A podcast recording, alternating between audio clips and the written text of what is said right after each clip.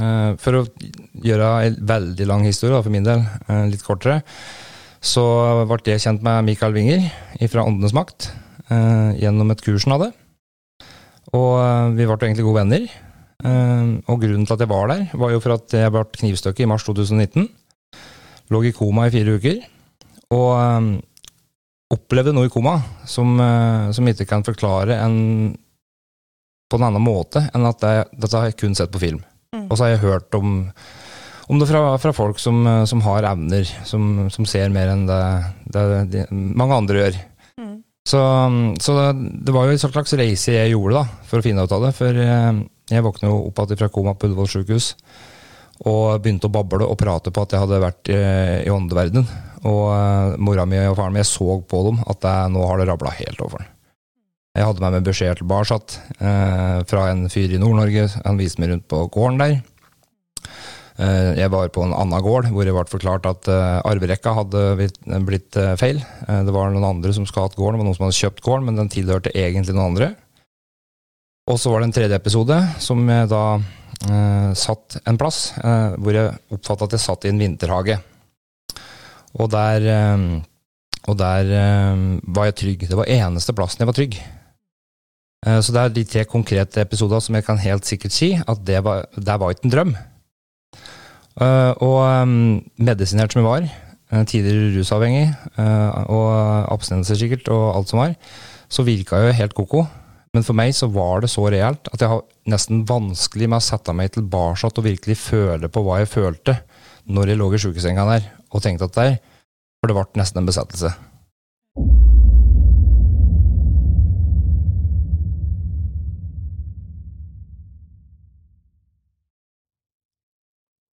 I dag så har jeg besøkt av Marianne Andersson Brodal, som eh, liker å kalle seg intuitiv veileder, har jeg sett. Eh, hun er født i 82, hvis ikke husker helt feil. Oi. Nei, 80, faktisk. Å, det står feil på nettet. Ja, gjør det? Ja, det tror jeg Ja, da. men vi kan godt holde det, altså. Okay. Vi sier 82. Ja, nei, for det, jeg googla det, skjønner du, for å bare se, og da sto det at du bodde i Vatne i Ålesund, og at eh, du var 82-modell. Samme som Mikael. Å ja, såpass, ja. Mm. Nei, jeg er faktisk født i eh, 17. september 1980. Ok, ja, men der ser du. Ja, Det er, du skal ikke tro på alt du ser på nettet, tydeligvis. Men det var veldig koselig. Ja. Uh, nei, altså det, mm, jeg, jeg har jo ikke lest meg opp så fælt på det, for jeg har jo blitt kjent med deg gjennom en Mikael Winger. Eh, og kom til Mikael på et kurs, for jeg, jeg, jeg nevnte jo til eh, mora mi og faren min og, og søstera mi og sånne ting, og de, de gjorde jo en innsats da, til slutt for å på en måte si at jeg skulle slite meg helt ut i sjukesenga der, og prøve å prate med meg. Og det som skjedde, var at det kom hun jeg lånte bilen til når jeg var knivstukket, hun kom og besøkte meg på sjukehuset. Eh, og da sier hun eh, at det, det er jo onkelen min du beskriver. Det er onkelen min du, du beskriver plassen og, og sånne ting. Og så sier jeg nei, jeg vet ikke hvem det er. Eh, og det må jo være Det var jo et navn på han, Arne. Det må jo være eh, bestefaren eller onkelen til mora mi, for han het Arne. Eh, og det minna om uh, huset til bestemor og bestefaren min. Så, men hun sa nei, fortell mer, sier hun. Eh, og jeg forklarer, og jeg forklarer hva slags bil den har. Hva slags biler som står i skogen bak der med de trærne som vokser gjennom. Jeg fortalte fargen på dem, hva slags modeller det er. Jeg fortalte åssen huset ser ut, hvor han har restaurert. eh, på trappa bak huset som, eh, som aldri ble satt på igjen, med den nye terrassen som hun ikke var fornøyd med. Veien som uh, ikke ble brøyta ordentlig pga. at den hadde blitt lengre enn det som var avtalen, Uh, og alt mulig rart. Og alt stemte. Så hun, hun ble jo bare helt rar og sa at det, det, er der det har vært, liksom. Uh, så da fikk jeg på en måte en bekreftelse, da. Eller noe som bekrefta for meg at dette her var jo faktisk noe annet enn en drøm. Og, og da når jeg kom ut av det fra sykehuset, så hadde jeg, hadde jeg begynt å undersøke resten, for jeg ville, jeg ville finne ut hva alt var. Jeg hadde jo fått vite at det er for en grunn, sikkert, ikke sant? Det, og, og sånne ting. Og, og begynne å rote og, og liksom søke ting, da. Eh, men finner egentlig ikke ut noen ting. Uh, Oppdaga ikke noe mer. Så det var begynnelsen av den åndelige reisa mi. da. Jeg har alltid trodd at det var mer mellom himmel og jord. Eh, men, eh, det var på en måte bekreftelsen jeg fikk. Når noen i livet kunne bekrefte dette her. Jeg spurte jo hvor er det han bor hen. Han Bor hen? Han har vært død i 40 år. Eh, Så, og jeg er 45. Jeg har aldri møtt den. Eh, Og den eh, andre episoden var jo da den plassen jeg var trygg på, som jeg sa. Eh, som jeg da fant ut at var Høsbyhotellet oppe her. Når jeg var ute og sykla et år etterpå. Og hadde en slags åndelig opplevelse på det. Så da blir jo naturlig, da. Altså, jeg, jeg er jo den som altså, Jeg er jo ikke så sjenert av meg. Jeg, jeg ringer jo Mikael, sender med e-poster og ordner og styrer og skal ha kontakt, og skjønte fort at det, det var ikke så lett. Han får mange henvendelser fra mange som sikkert er like på som meg, da. Så, Mange hver dag. ja, ikke sant? så så da, da meldte jeg meg på kurs og fikk kontakt på den måten der. eh, Og lærte masse eh, åssen jeg skulle på en måte føle og kjenne på ting. Og der traff jeg deg. Traff vi hverandre på kurset? Nei, vi traff Nei. vel eh, Vi fikk bare kontakt. Jeg husker ikke helt akkurat, Nei, det er- for det føles som vi har kjent hverandre i sikkert ti år. Ja, men du Det er som er så rart med noen folk, at det er liksom ikke kvantitet, men det er kvalitet Ja. på liksom forhold og relasjonen man har. Så det er Ja. som er så rart. Ja, Og for- husker, men jeg tror kanskje det var første gang vi møttes ved at vi hadde seminar på Gardermoen. Var ikke det første gang vi møttes sånn ordentlig? Ja, var det det? Jeg har følelsen av at vi har møttes eller Nei, vi prates har møttes før det òg. Men vi, vi hadde jo kontakt på Vi hadde jo kontakt på noen meldinger, kanskje, for at vi hadde Eller hadde vi ikke det? Nei, no, vet du hva, da Jeg vet ikke. Nei, dette var litt spesielt, men eh, Ja. ja. Men det er i hvert fall føles som jeg har kjent deg veldig lenge. I like måte. Ja. Eh, og jeg prata jo med, med kjæresten min om at det er Anita, Ja. og sa at det, det er så merkelig med Marianne, sier for at det, det er, at det er så, vi kjennes ut som jeg har vært venner med hele livet. Det er så, det er så, så spesielt. Så, men vi skal prate mer om det senere. For Det skal vi. Ja. Vi skal gå i dybden på dette, men jeg vil ha en intro i hvert fall på hvor, på en måte vi kom inn eh, i møte med den. Mm. Uh, og um, Så sitter vi her i dag. så sitter vi her i dag. Og vi har ikke lagt noen god plan. Nei, og så Du sa du liksom at du skulle være litt sånn laid back. For du sa, jeg spurte liksom hva er det som foregår på podkasten din? Må vi liksom stæsje oss opp? Er det kamera? Hva er det liksom som, hvordan gjør du det her?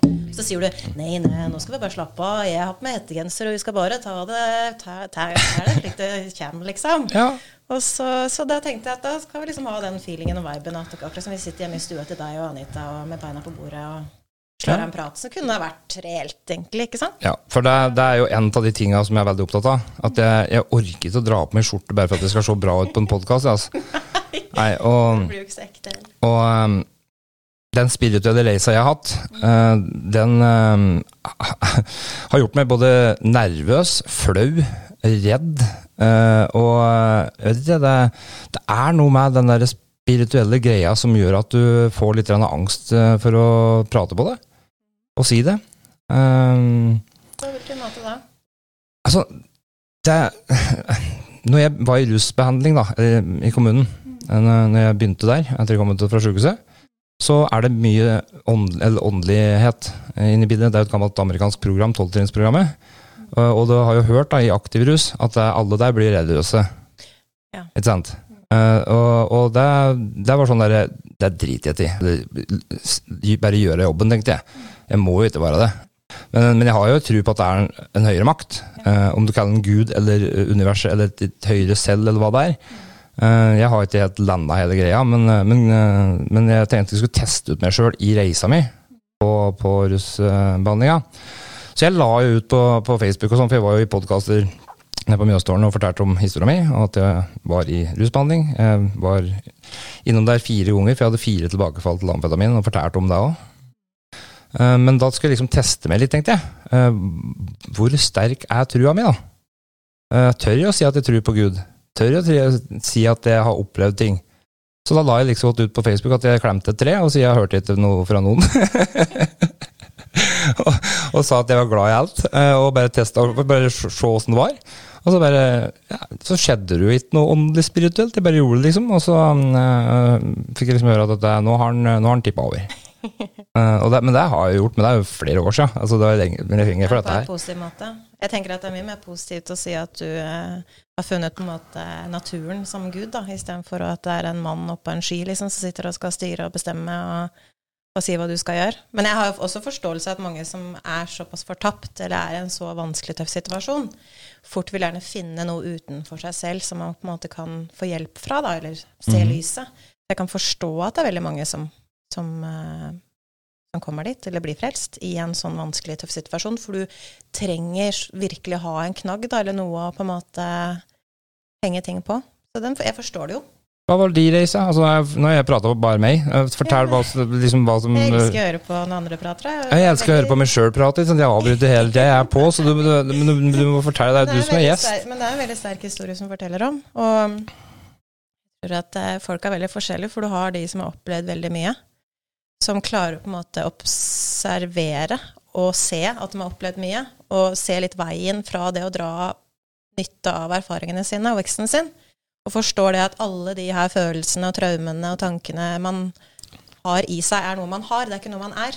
Og så er det de som kanskje har vært i samme situasjon som deg, eller i andre sterke historier, som ikke klarer å skille seg fra tankene og følelsene sine. De er følelsene og tankene og identifiserer seg med den offermentaliteten og kommer seg på en måte ikke vekk fra det. Det er der du ser veldig stort skille mellom mennesker. Ja.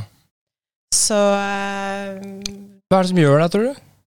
At det er noen klarer å skille, og andre ikke? Er det for at du, du ikke er klar, på en måte, eller er det bare for at du har en utfordring som ligger dypere? At du Nei, jeg tror det at eh, Altså Alle har vi jo en eller annen form Eller mange traumeresponser i livet. Vi opplever traume på forskjellige typer nivåer. Alle gjør jo det. mm.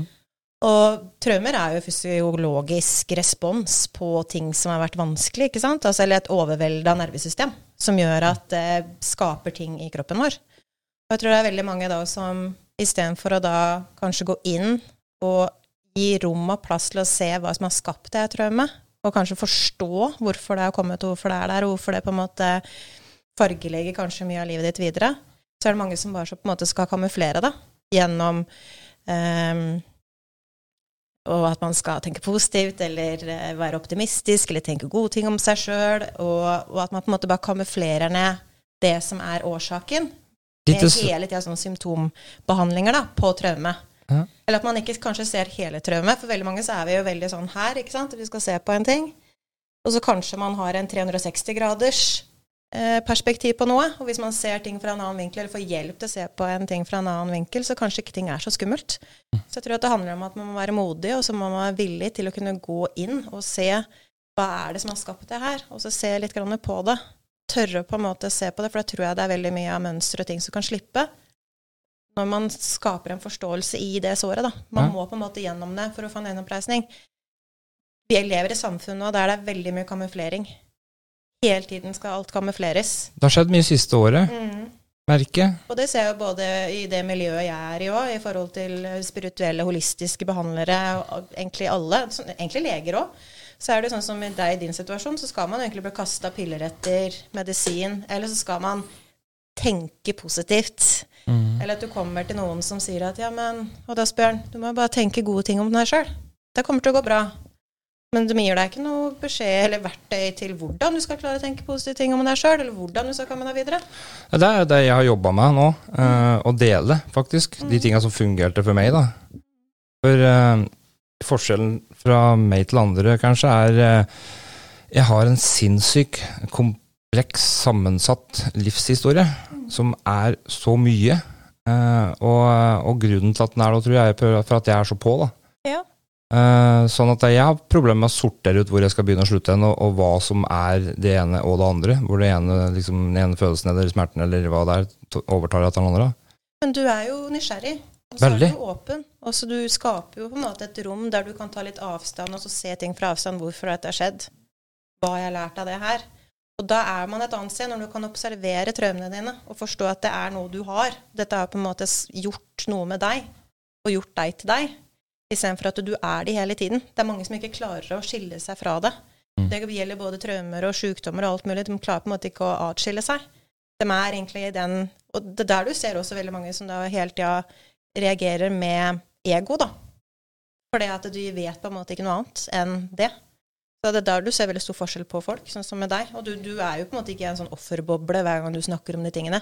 Du snakker jo med dem fra et avstand. Altså det er jo som at du ser på en film som har skjedd med deg før, der du på en måte kan vurdere å gå inn, og du kan liksom se på det på den måten der som en observatør, ikke som et offer. Ja, og nå skal jeg nå gjøre noe offentlig òg, som jeg ikke har gjort ennå.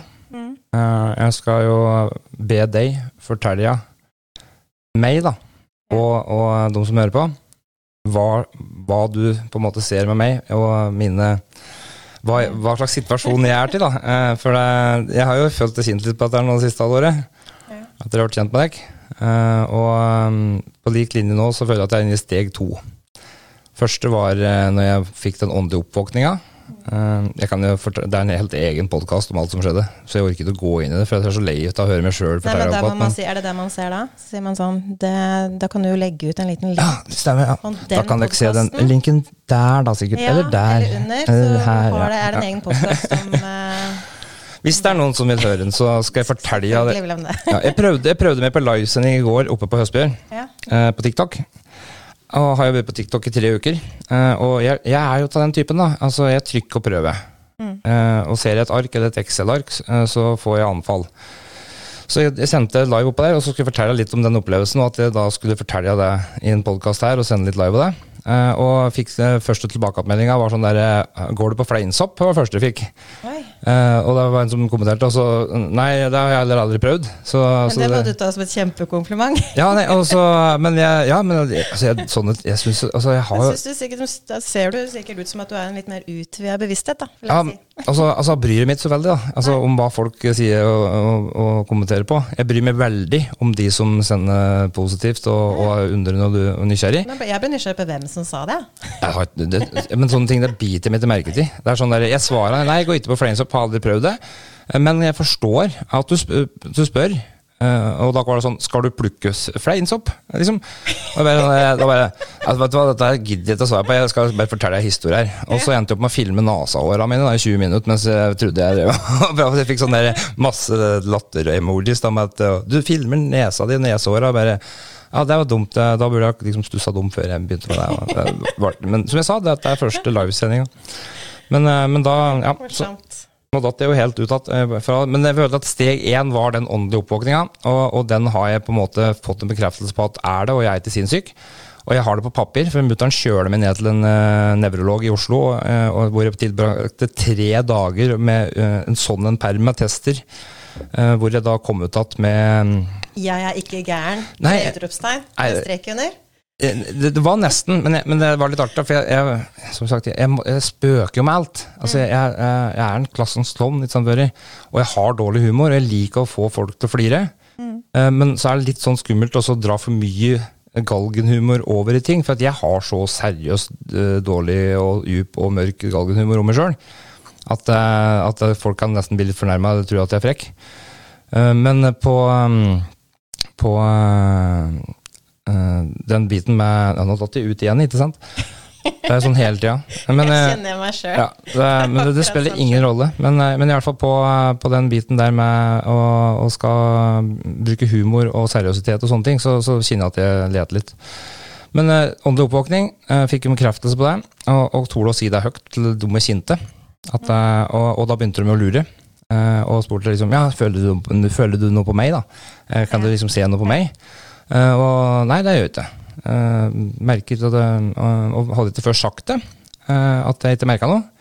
Og så merka jeg et eller annet. Og så ble det sånn der eh, Er du lei deg, tenkte jeg. Egentlig.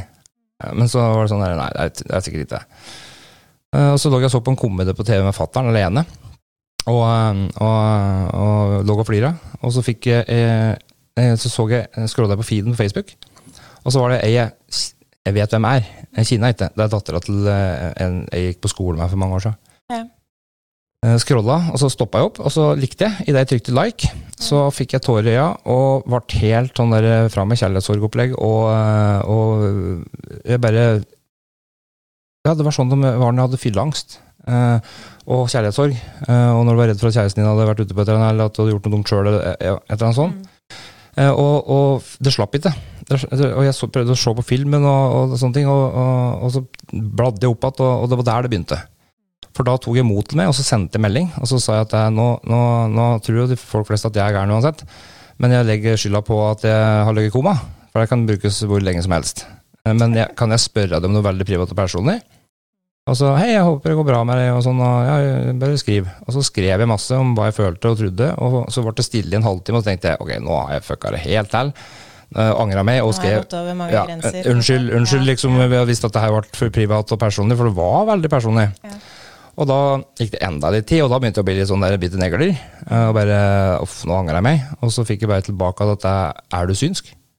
Åssen kan du vite dette her? Eh, Og da begynte jeg å grine. Eh, og den opplevelsen, den følelsen jeg fikk i kroppen da, en sånn godhet Um, det, Jeg vet ikke om jeg har følt det noen gang, jeg. egentlig sånn som jeg kan komme av. Det var helt spesielt. Uh, og etter det, så, og da var jeg jo i rusbehandlinga, Mm. så møtte jeg folk på gata. Uh, og spesielt folk uh, da som jeg hadde hatt noe med å gjort. Det var ikke fremmede. altså Jeg hadde en, hatt en slags kontakt, eller de, Vi kjente den. Det begynte med noen som, eh, som eh, Nå har jeg ikke spurt om å få lov til å si navnet, men uansett. da, hun, eh, hun skulle i hvert fall slutte jobben sin, hadde ikke sagt det til noen andre enn gubben sin. Og så skal jeg inn på kjøpesenteret, og så bare sånn Oi, hun skal slutte jobben sin bort på Attes. Eh, og så For all verden fikk jo Den kom så sterkt. Og så går skyvedøren opp, og så der kommer Hei, er det deg? Og så bare Ja. Og når hun begynte å prate med meg, da, så hørte jeg ikke hva hun sa. Altså, Hun sto og prata, og jeg hørte det kom lyd, eh, men det var sånn der, det, det var akkurat som det ble så uh, Når du tenker på noe annet, så du egentlig eller sitter med telefonen din mens noen prater til deg. Mm. Og da, så Unnskyld, sier jeg det. Jeg, nå jeg hørte ikke helt hva du sa. eh, For at, eh, og så tenkte jeg bare Nei, shit au, vi kjører på. Og så fortalte jeg det jeg fikk opp, og hun bare sånn derre Det er ingen som vet dette her. Det, det, det, er- det er bare mannen min. Og så sier jeg og, eh, ja, og han er ikke så langt unna, merker jeg, sier for han kjenner jeg at det er med det mye, så han er nok i nærheten, og da runder han hjørnet. Han kommer der, så. Ja. Det er bare hei, morgen. Og, og sånn balla det på seg. Eh, Så det um,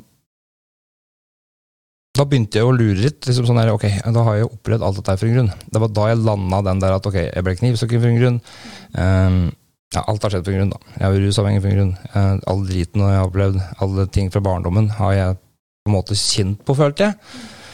For at jeg skal kjenne at følelsen når jeg får den fra andre, er det jeg på en måte føler. Ja, ikke sant? Og da er det jo den følelsen at ingenting er forgjeves heller. Jeg er jo Og at du er den sterke formidleren som det du er. Altså En annen person hadde kanskje ikke opplevd på den måten, som ikke er så sterk formidler som det du er. Og at man klarer å på en måte sette det i kontekst på den måten der, det er jo kjempeviktig. Ja, for det er litt han hard vei å gå fra sprøytenarkoman og hardbarka kriminell Altså, til, eh, til å skal sitte og prate på sånne ting, liksom. Ja. Men så har jeg og alt har bare dødd på plass, på en måte. Det blir jo så mye mer genuint og ekte, da. Du, du har jo kjent på følelsene dine helt ut. Ja. Tørt å kjenne på følelsene helt ut, og tør å på en måte si at dette er skummelt, dette er vanskelig, og det er jo det det er. Når man begynner å bli kjent med seg selv. Når man på en måte skal gå inn, så må man jo kjenne på alle følelsene. Jeg kjenner jeg får tårer i øynene nå, bare jeg tenker på det, liksom. At jeg blir At jeg Og så er det fint å få de bekreftelsene òg. Mm. Helt i begynnelsen, når man begynner en sånn sånn spirituell eh, reise, så er det jo veldig mange som faktisk da egentlig bare går over fra vanlig ego til spirituelt ego. Så det er jo også helt vanlig på den type spirituelle stigen som man går på. For i begynnelsen så vil man da gjerne ha bekreftelser. La-la-la. Ja, ja, ikke sant? Ja, det Lys og kjærlighet og alt det her. Men det er helt vanlig at man trenger de bekreftelsene. Etter hvert så trenger man ikke bekreftelsene. Nei. Men jeg òg kjente på den jeg gikk på kurs og var oppe i Rondane og holdt på å styre med folk og healing og en med den andre. Når de sa at noen ting hjalp, eller sa f.eks. at jeg hadde hatt rett i det jeg sa mm. Det var jo ikke viktig at jeg skulle vite at jeg hadde rett, men så klart det gjorde meg godt. Mm. Og da er jeg på en måte fortsatt det et ego. Fordi jeg trengte den bekreftelsen. Men samtidig så er det bra på den reisen, for den bekreftelsen gjør at jeg stoler mer på intuisjonen min. Ja, dette, er, dette er en balansegang, altså. Ja. Eh, Men jeg tror det er veldig sunt for meg. Eh, For jeg har jo delt alt og drevet meg ut på alle områder i livet. eh, Som, som stor, nesten, i hvert fall. Men det er jo det som er viktig. Ja, men, men, men også har jeg vært sånn, men jeg har jo så, hatt så stort ego i den der rusen og den uh, livet jeg har levd, mm. at jeg, jeg brydde jo meg ikke. ikke sant? Det, det var, det var, jeg levde i nuet. Mm. Det var det jeg hadde i hånda. Det var den som var redd meg, eller respekterte meg, eller som var glad til meg, eller uh, what the Fuck ever, liksom. Mm. Uh, og, så, og så gikk det noe over, og så kjenner jeg at jeg har blitt ydmyk. For første gang i livet mitt. Så, så, så dekket det over det med en følelse av at jeg, pff, jeg driter i. Men det synes jeg er veldig interessant og fascinerende at du sier, for det er jo gjerne sånn det går. Og det er viktig at ego har jo egentlig ikke noe med egoisme å gjøre, ikke sant? Nei, Ego handler gjerne om eh, at du er i jeget. Eh, som for eksempel når vi, jeg hadde seminar nå, du var på seminar med meg, Mikael, her i sommer. Mm. Hvis jeg da går rundt og snakker, og jeg ser at noen sitter med telefonen sin, veldig mange gjør det nå, sitter på telefonen sin mens jeg prater, Mm. så er det jo veldig mange som vil ha gått inn i egoet. Det gjør vi jo alltid. Eh, alle gjør jo det eh, i perioder. Da kunne jeg fort tenkt at herregud, liksom, hvor respektløs hun dama der er, som sitter på telefonen sin, står jeg og prater liksom her, og, og alt mulig, hun sitter på telefonen sin. Mm. Det syns jeg var skikkelig dårlig gjort. Da vil jeg automatisk respondere med egoet mitt. Jeg vil se, se, det på som at det er noe med meg, ikke sant. Jeg. Og at hun på en måte gjør noen ting nå, så jeg ikke har det bra. Det er ego. Mm. Istedenfor å på en måte se det, hvordan kan jeg på en måte, Hvis jeg da klarer å observere at jeg reagerer ut fra et ego, med at jeg ta, ikke klarer å ta kritikk, eller hvis jeg blir sår, sår, eller at det er noen andre sin feil, så kan jeg se på det som at OK, men er det en grunn til at hun sitter med den telefonen, da? Mm. Det kan jo hende at eh, oi, kanskje hun har små unger hjemme, og så har hun fått en barnevakt for hun skal på seminar. Kanskje ikke hatt barnefri på to uker. Kanskje plutselig fikk en melding av en av unga som lurte på på en måte når hun kom tilbake. Kanskje også egentlig syns at seminaret er så interessant at du har lyst til å ta notater. Kanskje det er derfor jeg sitter med telefonen. Med en gang jeg går inn i et vi da, så er ikke jeg ego lenger. Skjønner du? Ja, skjønner. For da finner jeg meg teknikker da jeg mm. kan observere at jeg er ikke ego. Jeg tror det er det som på en måte er så viktig i det. At man på en måte klarer å stoppe opp og, og, og se sånn som du sier da, med at du klarer å gå fra ego til ydmykhet. Mm. Det er en kjempestor overgang, så lenge man klarer å på en måte se det sjøl. Men som du sier, egoet kommer jo av at man har opplevd noen traumer. Det kommer jo av et eller annet. Hvis du er i en situasjon der du tror at noen andre skal gjøre deg hel, eller hvis den personen bare hadde ringt, eller hvis den personen bare hadde sagt det greiene der Hvis den personen hadde møtt opp på den avtalen som vi hadde, så hadde jeg hatt det bedre. Mm. Og du legger alt ansvaret over på noen andre. Sånn var jeg før. Ja, og Veldig, da er du i et sår, konstant sår. Og da er du også en egorespons som gjør fordi at du en eller annen gang har opplevd et traume der du ikke har følt deg bra nok. Okay. Det, jeg har aldri følt meg bra nok. Jeg. Men det kan jo være aldri, flere ting, da, ikke sant? Jeg kan aldri huske at jeg fra barndommen har følt meg bra nok. Noen gang. Um, det er først nå, etter at jeg ble nykter nå, at jeg klarte på en måte å, å bli såpass glad i meg sjøl og, og, sånne ting. Mm. Uh, og det, men, men det, det, det, det jeg tenkte jeg skal spørre deg om. For jeg har fått lov til å dele dette her uh, fra mora mi. Ja. Vi, vi, er jo veldig Vi var en veldig stor familie og tett familie. Uh, julaften besto liksom av uh, Det var liksom fire-fem forskjellige familier ratt som skulle samles. da Så vi var jo fort en, uh, 15 stykken, 20 stykken unger. Og så pakka, vi måtte pakke opp gaver første juledag òg, for at vi fikk ikke gått gjennom alt. Vi det ferdig, nei. og så har jeg fått lov til å dele at For jeg mista begge tantene mine til kreft uh, når jeg var liten. og det er vel det første greia hvor jeg vet med sikkerhet at jeg følte virkelig på den at, der mista jeg en person som, som sto nesten tettere på med enn mora mi, som var tanta mi. Liksom, litt sånn ofte som det er. ikke sant? At det er, mora di er mora di, og så får du den uh, favorittonkelen eller favorittanta. Ikke sant? Mm. Og jeg hadde to sånne tanter, og, og flere onkler, som, som, på en måte var veldig tett på. Så, og mistet begge besteforeldrene mine tidlig. Uh, men uh, mutter'n har jo da fortalt meg at uh, jeg kan jo også si at Mutter'n har jo fått beskjeden om at hun har fått tilbakefalt kreften. Ja. Så, så, det er sånn her, jeg, jeg håper jo hele tida, uansett. Uh, det, men, uh, men, hun har fortalt meg om fødselen min. Uh, og jeg var tatt med keisersnitt, for det første. Hastekeisersnitt. For at jeg hadde surra min i navlestrengen. Og så um, jeg, nå, nå, vet jeg ikke om jeg sier at det er riktig, men, men mora mi sa jeg, jeg, tror mora mi sa da når jeg fortalte meg at jeg, hun jordmora, eller et eller annet, noen på sjukehuset, Eh, hadde vært rusavhengig eller eh, noe sånt, som drev og snausa av, eh, av, ting i, i medisinskapet. Mm. Og ettersom jeg har forstått, så må du blande narkose. En del Dette er min, det jeg tror, da. Mm. Men at du da måtte du blande sånn at du, den ene var smertestillende, eller noe sånt, den andre slo det ut, og så du sovna og ble lam eller rørte på det. Men det var gjort noe med den greia der. Jeg tror hun hadde, den sykepleieren hadde tatt og gjort noe, bytta ut noe. Ja. Så, så mora mi var bevisst men lamma.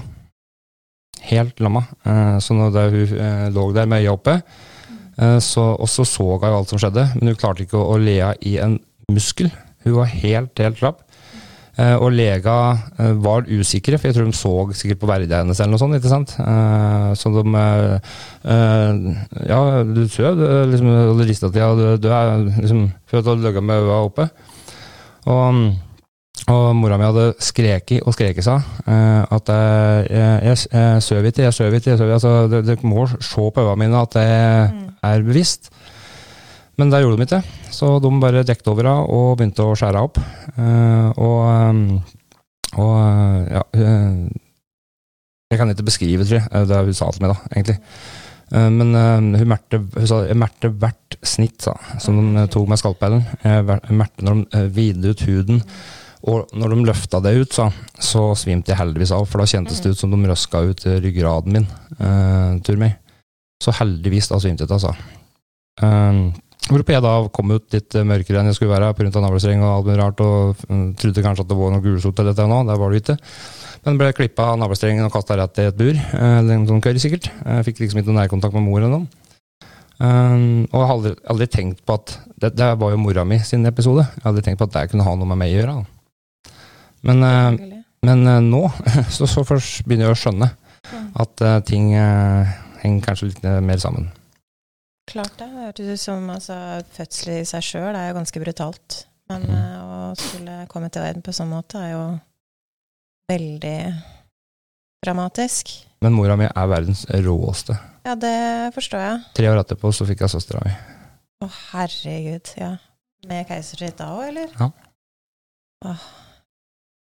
Ja, det Nei, hun er rå, altså. Hun er, hun er familiens midtpunkt. eh, og eh, den som har holdt alle sammen, så det er Yes. Ja, men de sier jo det at du har jo egentlig ikke Du har jo ikke den Du vet jo ikke at det finnes noe atskillelse når du er liten baby og med Mm. mammaen din. Du tror jo du er ett med mammaen din. Og det vet jeg sånne her studier de har gjort òg, med f.eks. fotsoneterapi eller andre type ting de har gjort på mor, Mm. eh, mens barna sitter på fanget til mor, eh, spedbarnet. Og så har de sett da at de samme delene av kroppen blir stimulert på babyen Mm. som på mor. Fordi at det er ikke noe skille, da. Nei. Fordi at de er, er, er på en måte ett. Og dette, er, dette er litt artig at du sier, for mora mi jobba med mange år som fotsoneterapeut og, eh, og drev med kopping og sånne ting. Og hun, eh, jeg, hun, jeg tror jeg, jeg, si, jeg har alltid oppfatta mora mi som litt sånn der lur. Når hun liksom på en måte titta på meg, så følte jeg at hun så tvers igjennom meg noen ganger. Uh, og så har jeg Visste mer enn hun sa. Ja. Uh, litt sånn hemmelighetsfull. Ja. Eh, men har alltid forstått mer enn alle andre. Ja.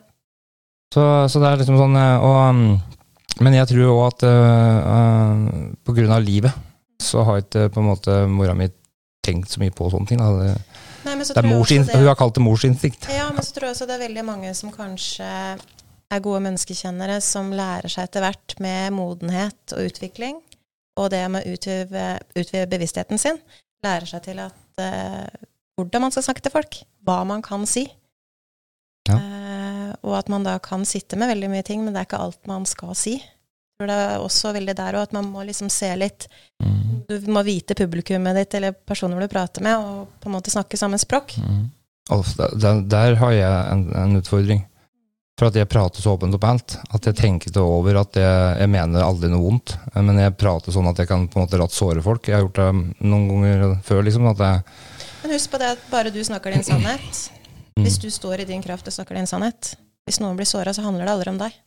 Det er veldig viktig å vite. Det handler aldri om deg. Nei, jeg, jeg hører du si det, men allikevel. Det, det er sånn, jeg, og, jeg, og jeg er enig med det, og jeg, jeg kommer nok til å stå i den. Men, eh, men, men reisa på en måte der, så føler du jo på ting hele tida, liksom. Som, men jeg, jeg vet ikke om det er flåsete å si det, men jeg, jeg er liksom sånn der, jeg begynner å bli litt kry jeg, til å ta greiene mine. sånn der, Ja, men du skal Det er, det, ja, herregud, det er det som jeg snakka om innledningsvis, og det er med at det er forskjell på folk. Mm. Det er noen av de som på en måte tar lærdom av det. Uh, og det hørte jeg noen snakka med for noen dager siden, det her med hvor mye du tror du lærer av suksess, og hvor mye tror du du lærer av å mislykkes. Det er derfor jeg er så klok.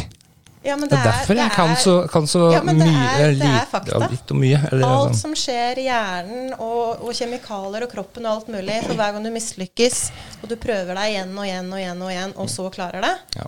enn å på en måte ha suksess, det er jo der, det er jo, det er der du lærer. Nei, jeg vet jo det. Jeg, lærer jo bort dette, her, dette ene kurset mitt, også. jeg, jeg er jo klar over den, men det er sånn der eh, Ja, det er bare det å skjønne det, og forstå det. Og det er jo sånn livet er. ikke sant? Livet er jo tøft. Livet er ikke rettferdig. Og det tror jeg er veldig greit å på en måte slå det i bordet en gang for alle. Og jeg kjenner at eh, i den samfunnet vi lever nå, så syns jeg det er veldig fint sånn som med deg, at du er ærlig på ting. At av og til så er livet jævlig. Og jeg syns at det, som på en måte en terapeut òg, så er det så viktig å få det fram. Men det handler jo på en måte da omfavne de Er det lov til å si det? Sikkert pip Nei, jeg sier jævlig. Jeg syns det er så greit på, jeg Jeg sier akkurat hva jeg. Nei, altså, si hva du vil, du. Eh, Jeg gidder, ikke å sensurere bort det. Nei, men det er, det er den vi er, da. Jeg syns det er viktig at man også på en måte omfavner de dagene som ikke er bra. Mm. Jeg kjenner at jeg blir litt sånn trigga av eh, det her eh, mange som på en måte jobber kanskje på den måten jeg gjør på. Altså, Alle er ikke for alle, jeg er ikke for alle, jeg heller. Men jeg eh, Vi må på en måte begynne å bli ærlige og komme mer til kjernen. og, og på en måte være sårbar i forhold til hva vi trenger, og hvem vi er, og hvordan vi har det, så kommer du ikke noen steder. Men der er det et ganske stort skille på, på, på de som jobber med, med jeg sier klarsyn, jeg, for at jeg, jeg, jeg, har, jeg har, fått talevansker etter lagkoma. For at det er inti, intuitiv veiledere. Det, det, ja, det, vet hva, det, det, er det jeg mener, men jeg sier klarsyn. Altså et klarsyn, eller altså, syn gidder jeg bruke, men Jeg orker ikke å ha noe merkelapp. Jeg sier bare at jeg er meg, og så tiltrekker jeg de menneska. Så må man gjerne ha noe sånn at folk googler eller sjekker, så vil du poppe opp, da, liksom som for at du skal ha en jobb. Men utover det så har ikke jeg så veldig sted noen noe merkelapp heller. Nei, men det jeg skal fram til var at, at de, de veiledere da, som, ja. som, som, har evner, om det er healing eller om det er klarsyn eller hva det, hva det er, da, um, så, så, merker jeg at det er en, en god forskjell. Det er, det er, finnes, jeg har ikke møtt noen som er sånn midt imellom. Jeg føler at jeg er den som er så midt imellom, men jeg møter ingen som er som meg. Uh, og det, så jeg fin, finner ikke helt plassen min uh, jeg nå. For at jeg, jeg, har vært sånn Vil jeg jobbe med dette her? Mm. Er det meninga? Altså, jeg, jeg, jeg, sitter jo, altså, jeg har sittet og sett på Åndesmak med Mikael, uh, og jeg har sittet og hørt om deg, og, og sånne ting. og så har jeg òg bedt høyere makter om å få de evnene da jeg var liten gutt. Og, og spurt om jeg kunne være sånn. Altså, jeg, jeg satt to timer, jeg. Eh, sikkert, var sikkert én, men for en guttunge så virka sikkert som to. Men, eh, og titta på ei skje i kjellerstua der ingen så meg, for jeg hadde sett han der Uri Gell eller hvem det var, bøgde skje med synet sitt. Altså, jeg, jeg, satt og så på den skjea til jeg hadde migrene, eh, og ba om å få noen evner, for jeg syntes det var så kult. Og så, og så skjer det noe. Og så blir du litt sånn derre øh, øh, Ja. Øh, og så øh, blir du nesten litt sånn derre ja, forsiktig med hva du ber om.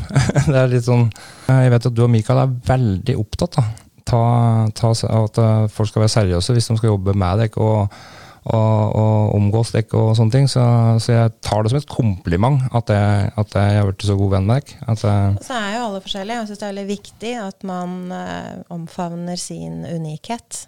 Det synes jeg er kjempeviktig. Det er ingen som er som den andre. Og ikke at man på en måte gjør noe heller for at man tror at det er en fasit eller en oppskrift eller en bestemt måte å gjøre det på. Mm. Man må liksom lære seg litt sin egen måte og sin egen måte å lage veien, da. Mm. Syns det er veldig, veldig viktig. Så man skal jo liksom ikke egentlig passe inn noe sted. Du skal jo på en måte bli mer og mer deg sjøl. Mm. Eller finne dine potensialer, da. Nei, jeg, jeg, jeg, tror jeg er på god vei nå til å, til å virkelig få landa meg sjøl. Um, at jeg dette er en del av reisa mi, eh, og um, jeg merker faktisk at de siste to dager så har det skjedd en endring på meg. Eh, jeg merka det spesielt etter jeg sendte deg noe healing, faktisk. At, og det er en ting som har gått igjen flere ganger. Eh, at når noen har på en måte tatt imot hjelpa mi, eller spurt, eller, ja, så, så blir jeg så glad. Eh, eller jeg føler meg så mye bedre. Det er kjempefint. Og så er det veldig fint at du tilbyr. Det er også veldig fint. ikke sant? At man har på en måte en dialog, og så kanskje du plukker opp noe, eller For alle har jo forskjellige dager, og, og, og, at du klarer å plukke det opp og klarer å kjenne det, og at du tilbyr deg. Det er jo kjempefint.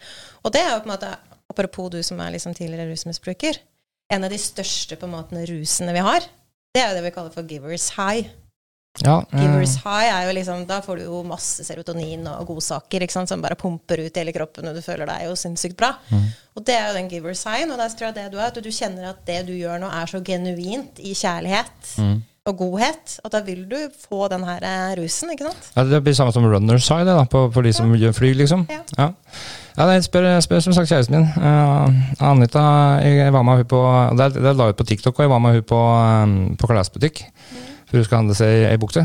Uh, og det var jeg som fløy rundt i butikken og bare kasta klær inn i prøverommet. Altså, jeg var så høy, jeg. Altså, det, det, var sånn eh, det, Ja, det var så digg, liksom.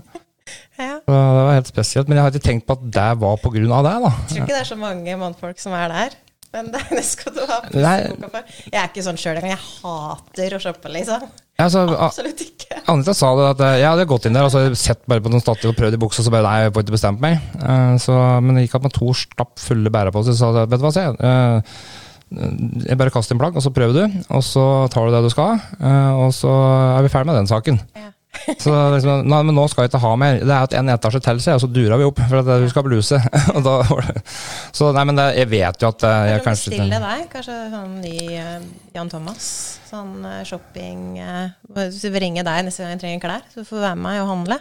filme og legge det på TikTok, så hadde jeg sikkert uh, vært veldig tilfredsstilt i rusavhengigheten mitt, da, med oppmerksomhet og, og sånne ting. Så det, det er jo Det er jo fint at du er ærlig på det òg. ja, Nei, men jeg, jeg vet jo. Altså, det, det, det gir meg noe å dele. Altså, det er terapi å dele, da. Um, men uh, det begynte jo med den delinga i den podkasten nede i Mjøsdalene. Uh, så ble det bare kalt et ærlig ansikt på rusmisbrukeren. Mm. at Hvis jeg skal sitte her, se, så kommer jeg til å si akkurat som det er. Og at jeg har brukt sprøyter og at jeg, er, at jeg har hatt tilbakefall, så vil jeg at du skal ta meg tilbake. Så jeg får forklart om det òg. Så hvis, det, hvis det, jeg ikke klarer å bli nykter, se, hvis ikke kommer meg til rusen For for helt ærlig, jeg trodde ikke jeg kom til å klare det. Men uh, da tenkte jeg sånn at eh, ok, da skal jeg dokumentere hele greia. Uh, og så skal jeg komme tilbake og fortelle om alt, akkurat åssen det er. Og så var det litt vanskeligere å, å få tilbakefall, tenkte jeg, hvis hele verden visste hva jeg drev med. For da føler du at du er skam i det, da? eller? Ja, for, for Før, når jeg rusa meg, så skulle jo ingen vite hva jeg gjorde. Da var det sånn, jeg rusa meg ikke, og jeg gjorde ikke noe galt. Det var ingenting. Jeg har jo levd på en løgn. Jeg, jeg ble feilmedisinert for epilepsi da jeg var sju. Eh, Jeg har vært rusmisbruker siden jeg var sju, liksom, uten at jeg har forstått det sjøl. Jeg fikk 1000 mg Orferil om dagen fra jeg var sju til jeg var 18. Eh, og det, for de som vet, eh, vet hva Orferil er, så bruker de ikke det mot for epilepsipasienter lenger, for å si sånn. Nå er det psykiatriske pasienter som er utagerende, som får 600 mg, og da roer de seg. Jeg fikk doble doser, for eh, jeg, jeg klarte ikke å spise det, for jeg skjønte det skjedde noe galt med meg, så jeg kasta halvparten og tok bare halve. Så tok de blodprøver av meg. ikke sant? Og så hadde jeg en eller annen issue i eh, barndommen òg. Dette her er heller ikke fortalt offentligheten. da. Det, mor- mora mi trodde nesten ikke på meg. Men øh, jeg hadde en barneepilepsi som jeg ikke skulle være medisinert for. Så var de inne og kobla på ledninger på huet mitt. Eh, dette var jo da i sjuårsalderen. Og så eh, ikke noe tegn til epilepsi. Uh, barneepilepsi. Altså, det er ikke sikkert at synes på den måten. Det var ikke samme utstyr da, sikkert i 84. Eh, eh, men eh, så oppdaga jeg at eh, hvis jeg hadde vondt i huet, så slapp jeg gym. Hvis jeg hadde eh, epilepsianfall, så ble jeg synd, på og fikk omsorg. eh, og fikk mer oppmerksomhet eh, og sånne ting. Så det, det hadde jeg nok ikke klart å innrømt. eh, at et par av de Grand Mal-anfallene som jeg hadde, var ikke noe Grand Mal-anfall. Det var jeg som eh, lå og beit med tunga til jeg blødde og rista, for at jeg var så redd for å skulle ut på ting jeg var redd for, f.eks., eller frykta. Så, så sånn som skoleteatret, når du skulle være Jesusbarn og, og Josef og Maria, og jeg ble så klart headhunta til hovedrollen der, hadde jo så panikkangst. Jeg var jo overvektig pga. epilepsimedisiner. Jeg gikk opp 20 kilo på blunk og, og var jo mobba en del eh, og sånne ting. Og så fikk jeg epilepsianfall, og så ble det borte, og så begynte folk å flire litt mer av meg. Og sånne ting, Så til slutt så ble det en, en unnskyldning for å slippe unna ting jeg ikke ville. da. Det er jo sterkt å innrømme nå. Da. Eh, Det er det. For at, eh, men, men dette handler igjen om dette med ærlighet. For hvis jeg skulle sitte og ha et ærlig ansikt på rusmisbrukeren, som ikke har vært en uærlig og Så jeg tenkte ingen kommer til å tro på meg uansett. Mm, Så jeg bare forteller alt. Eh, Så jeg tror jeg har fortalt såpass mye at det snart ikke er at noe forteller om meg. da. Uh, Han har sagt alt sjøl, på en måte. Men, det det, men jeg opplever litt det òg, for jeg har jo Det her kan jeg jo si, da, for det er jo åpent. Um, eh, Eldstebroren min, Morten Brodal, Mm. de fleste kjenner jo han i området rundt her. Han har jobba lenge i Rio, jobber jo for kommunen og er jo foredragsholder. Stemme! Ja, den koblinga gjorde jeg ikke før nå. Han er veldig, veldig flink. Ja. Og han uh, har jo vært rusmisbruker og heroinmisbruker i mange år. Mm. Uh, på Plata i Oslo, så det ganske mye tøffe, tøffe år. Men han uh, var faktisk lagt inn til avrusning 4.6.2004. Samme dagen som min eldste sønn ble født. Oi. Og eh, det har vært en lang vei å gå. Men det som jeg skal på en måte da dra i sammenheng med det her, er at jeg har en sånn følelse av at veldig mange som har slitt mye med rus, har følelsene sine mer utapå huden, og de er mer ærlige. Okay. Og, og han er litt sånn at hvis ikke du tør å høre sannheten, så ikke spør meg. Altså Han sier ting akkurat sånn som det er svart på hvitt, og hvis ikke du gidder å høre sannheten Han pakker ikke inn, og han sier ikke til deg hva du vil høre. Han sier det som er sannheten. Og det har jeg liksom fått inntrykk av mange andre òg, som har på en måte slitt med rus og sånn, at de, eh, de orker på en måte ikke lenger å leve på noe løgn. De, de snakker De sier det sånn som det er. Nei, den, den ærlighetsbiten, den eh, har vært veldig. Og eh, det starta som sagt med den feilmed- feilmedisineringa. Og etter det så ble en del ting ikke klarte å skille mellom virkelighet og fantasi. Jeg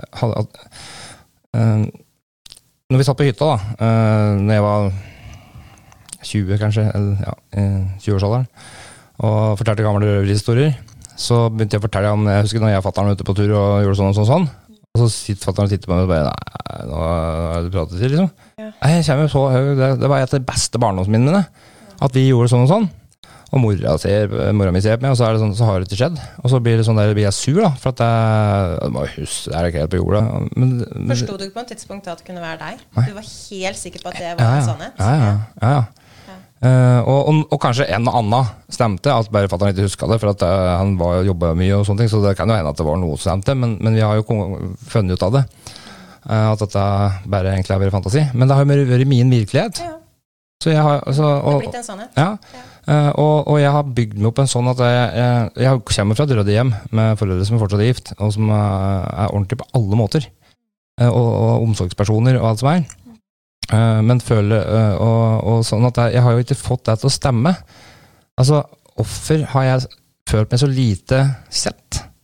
Eh, når de var så, altså Søstera mi vært jo sett, og jeg så jo at hun var sett, og jeg tok godt vare på og sånne ting, men jeg tror den medisineringa med den orferilen, den gjorde jo akkurat det samme som når jeg begynte med amfetamin. Ikke sant?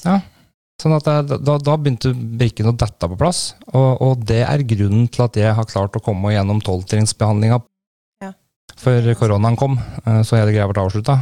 Og når jeg skulle tilbake igjen, så, så Jeg vet jo at det føles eh, feil i terapeutiske øyer å si at det er. Eh, og, det, og det er det jo for så vidt. Du, for den jobben jeg gjorde, den er det ingen som skal gjøre frivillig. Eh, Med, med, eh, med sjølutviklingskurs eh, fra USA på PC i seks måneder. Det eneste jeg gjorde i tre til seks måneder, var å sitte i leiligheta mi og gjøre oppgaver med sjølutviklingskurs, manifestering og, og, og henge opp drømmevegg om hva jeg virkelig ønska meg. Jeg gjorde alt som kurset sa, da, for da hadde jeg lært i de første fire trinna på Men det var nok da, til at jeg skjønte at jeg måtte reisa sjøl når ting stoppa opp. for det, jeg skulle i hvert fall ikke eh, gå tilbake til rusen og bruke dette som et, eh, et vindu for å ha unnskyldning for å ruse meg. Jeg hadde bestemt meg. Eh, Så da Så det, det, var det var der liksom den, eh, den eh, sjølutviklingsreisa begynte, på en måte, tolvtrinnsbehandlinga. Og så kom koronaen, som gjorde at det ble så stort opphold. Eh, Og så var det en hel haug som datt av lasset pga. korona, for det var jo mange som hadde tilbakefall. Og, og som kom tilbake og begynte på nytt, heldigvis. da. Det er jo mer vanlig å ha tilbakefall enn å klare det, Ja. faktisk, for å være helt ærlig. Ja, ja, ja, det er 11% tror jeg, som kommer gjennom hele greia i løpet av det er tre til fem år. 7 som kommer seg ut av heroinmisbruk, faktisk. Ja, ikke sant? Og jeg mener at det er det mulig å gjøre noe med. Klart det. Det, det, jeg hadde ikke vært rusfri jeg, uten det tolvtrinnsprogrammet. Det kan jeg bare si med en gang. Uh, og, og hadde ikke koronaen kommet, så hadde jeg fullført det. Ja. Uh, og det anbefaler jeg alle å gjøre. Eh, å ta den sjansen, og bare drite i alt man har hørt om det. Og bare kjøre på med det. Og bare gjør det som andre folk har gjort før deg, så får du det de andre folka har fått. Men jeg tror det er veldig sånn stereotypisk òg, for det ligger så lite kunnskap i det. Sånn som du sier om at du kommer fra et møblert hjem med snille, omsorgsfulle foreldre sant, som har gjort sitt ytterste og beste, og som er elska deg overalt på jord. Det er jo veldig sånn stereotypisk. Veldig mange tror det at er du rusmisbruker eller sliter da, som barn, så er det fordi at du nesten er utsatt for misbruk hjemme eller har fraværende foreldre, eller at det må ha vært et eller annet der. Jeg klarer liksom ikke å se at det her kan være kjemikalbalanse i hjernen, og det kan være feilmedisinering, som du sier. Det kan være veldig mye andre ting eh, på mange forskjellige plan.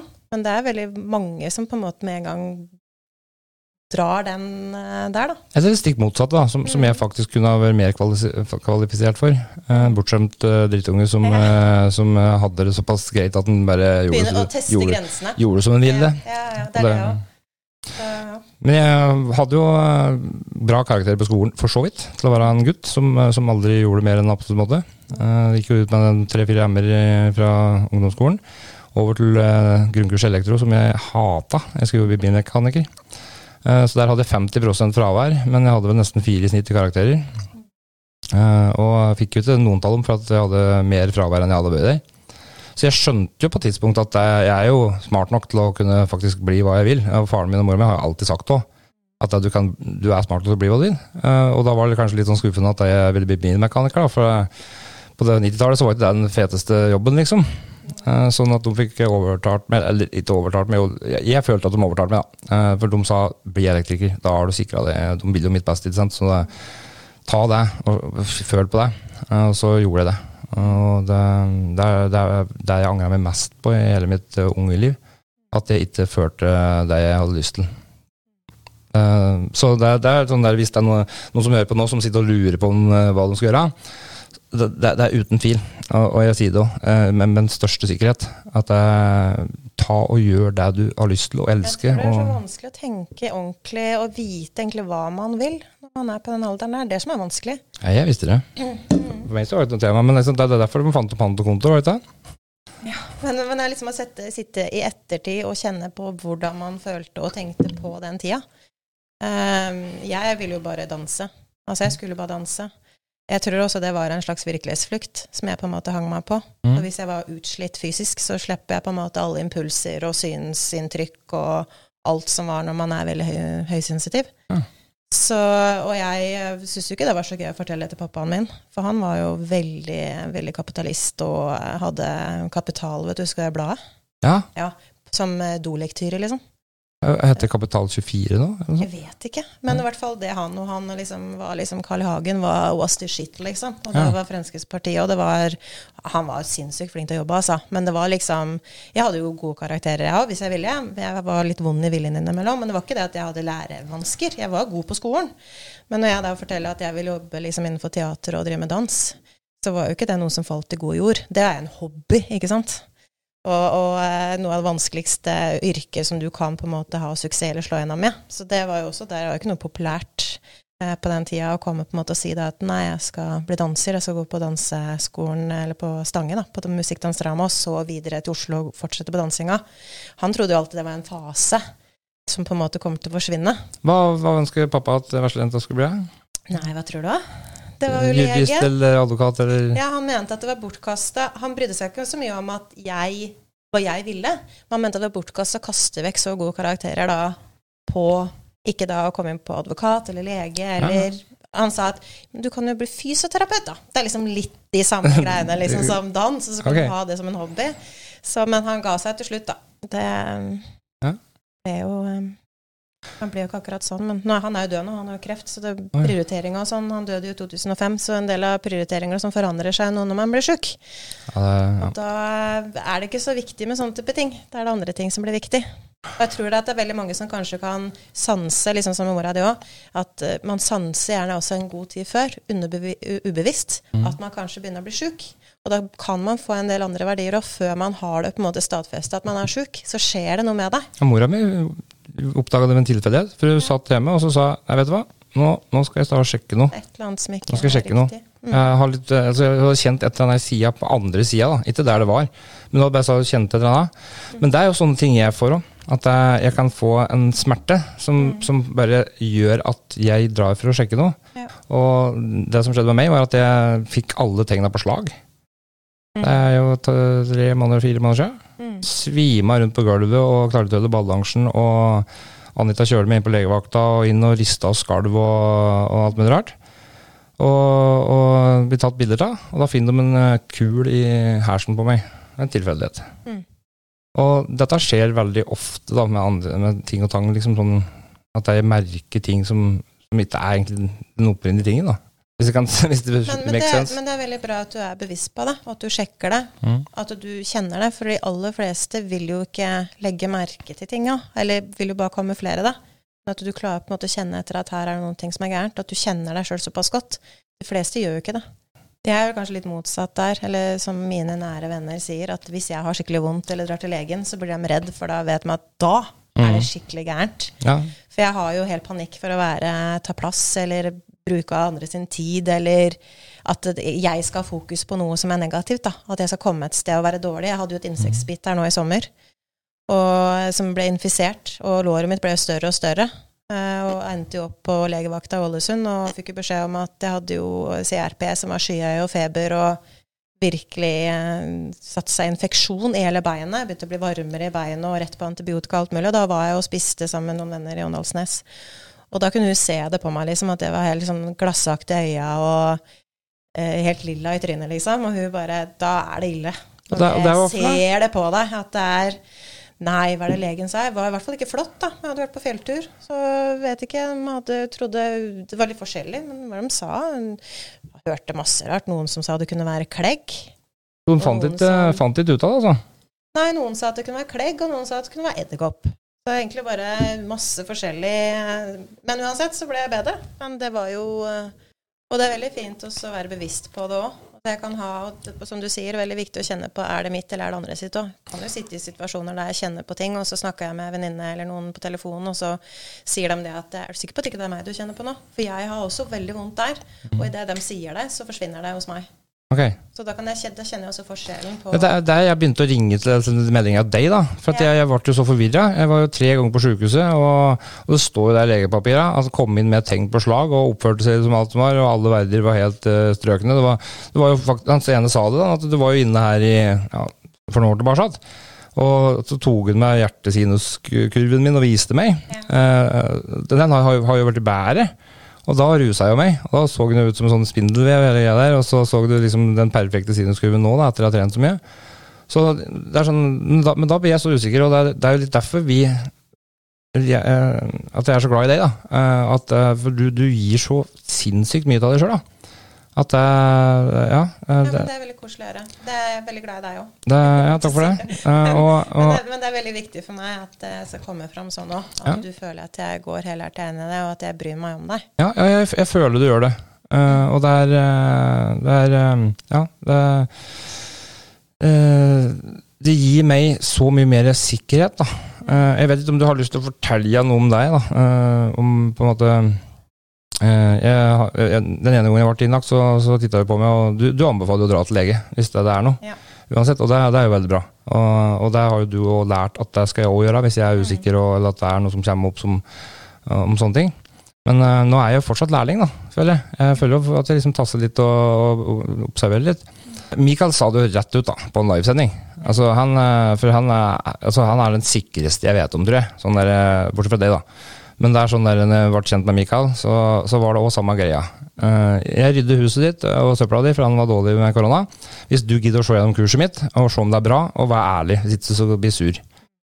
Eh, ærlig er han i hvert fall. ja, ja, ja, han sier ting Altså, han Det er sånn der eh, han, han er altså, Befriende. Ja, han, altså, men han er han, han, han, ser, han så så skummel og alvorlig ut på Åndenes makt. Jeg har jo sagt det hele tida at hvis ikke Mikael hadde jobba sånn som han gjør nå, så kunne han faktisk vært standup-komiker.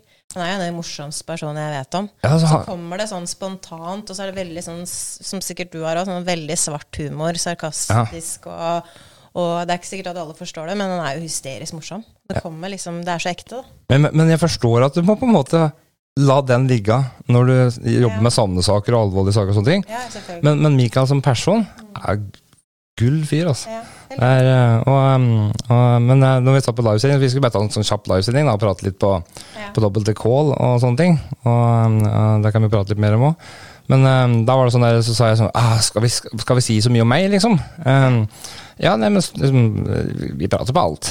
Ja. Bare, ja, men så, vi skal liksom, da må vi tenke litt her, for at hvis du skal sende live og sånn, så så må jeg liksom vite, eh, for jeg vet ikke hvor mye jeg vil si, liksom og sånne ting.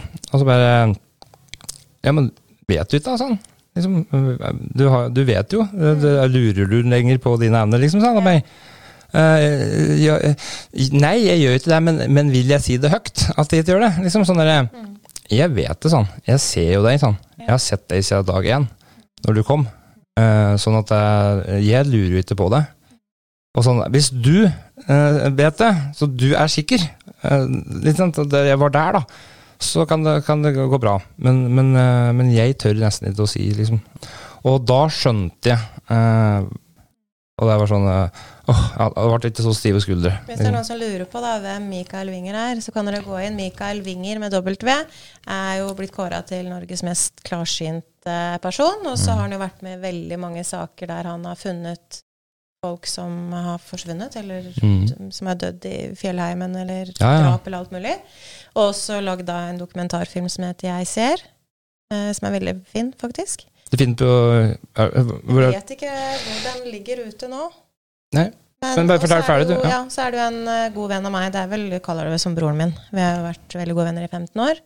Så vi ble jo kjent uh, gjennom det her. Um, Jeg du fortelle litt om deg, åssen dere ble kjent. Uh. Eh, vi ble kjent faktisk når jeg bodde i Oslo. Eh, så kom han inn eh, for å eh, få en behandling. Han hadde en kompis som jobba sammen med min eks. eh, og hadde da, fikk da høre om oss, og så kom han da på besøk for å få, få en healing av meg. Mm. Eller en, en time. Og da var det starten. Da fikk vi veldig god connection. Og da var det liksom oss to uansett. liksom. Han var jo venn med da min, eh, min eks, og jeg ble jo kjent med da eh, kjæresten hans og alt mulig. Men det var liksom ikke så mye andre Altså klikka ikke så mye som vi to hadde. liksom mm. sånn Veldig sånn familiær eh, connection, da. Ja. Det var liksom som søsken. Og har liksom hatt den kontakten med meg hele tida. Jeg hadde ikke vi kjent deg, og dere hadde sagt det var bror og søster, så hadde jeg trodd dere. Ja, ja, ja. Ja. Ja, men det er mange som spør. Og så er det mange som kjenner en connection. Så har også fått spørsmål liksom sånn Er dere gift, liksom? Er Kjærester? Og da blir vi litt sånn Nei, det er litt ekkelt. Ja. Det er litt ut med incest hvis ikke du er fra en gammel eh, kongelig familie. Og, og da er det, da er det inn for, fortsatt? Det var, nei, det var inn før, det ikke inn lenger nå. Men eh, nei, det er litt ekkelt, liksom. Men, eh, men det er nok det fordi at mange kjenner at det er en viss connection. At det er på en måte sterk relasjon, da. Som igjen gjør at det blir en del utfordringer i forhold, tenker jeg. Uh, for uh, jeg opplever veldig uh, at jeg eh, connecter med damer, da. Eh, for dere er på en, en, en annen frekvens, eller hva jeg skal si, enn det karet er. Jeg, møter jo en annen Kanskje på denne åpenheten. Er Eller om jeg er på på mer deres. Ja, Ja. åpen, ja. Det er jo fortsatt en del menn som kanskje syns det er vanskelig. Og, altså ikke, som, ikke alle, men det er nok Det viser jo seg Mm. at det er jo flere menn som sliter generelt med eh, det er jo, altså Selvmordsstatistikk så er det flere menn, folk som sliter med å på en måte være ærlig overfor følelsene sine og vise seg sårbar. da. Kanskje jeg skulle starte en sånn derre klubb, vi finner, klubb, finner, finner kult ku- klubbnavn, og så kan vi møtes, og så kan vi prate åpent om sånne ting. Det Eh, hadde vært helt supert. Det er så mange menn som føler som sliter der ute. Fordi det er bygd opp av en sånn der, eh, typ illusjon at du skal liksom være sterk, og så ligger det mye der, tror jeg. Både sånn genetisk og alt mulig. Den her urmannen, at du skal liksom beskytte og være den sterke hele tiden og stå på. Og på en måte ikke vise at du er svak. At svakhet er det samme, blir synonymt med sårbarhet. Selv om sårbarhet er jo en styrke. Mm. Jeg tror det er mange på en måte som eh, skulle hatt hjelp med det. Livet mitt forandra seg i hvert fall etter at jeg ble eh, åpen og ærlig og eh, jeg fikk, jeg fikk jo en helt annen omgangskrets. En annen, altså det var, det, men det skjedde ut av seg sjøl. Det var ikke noe jeg gjorde. Folk trekte seg unna meg når jeg, ble, eh, når jeg sluttet å ruse meg. Så, og Gudskjelov, sier du vel i dag?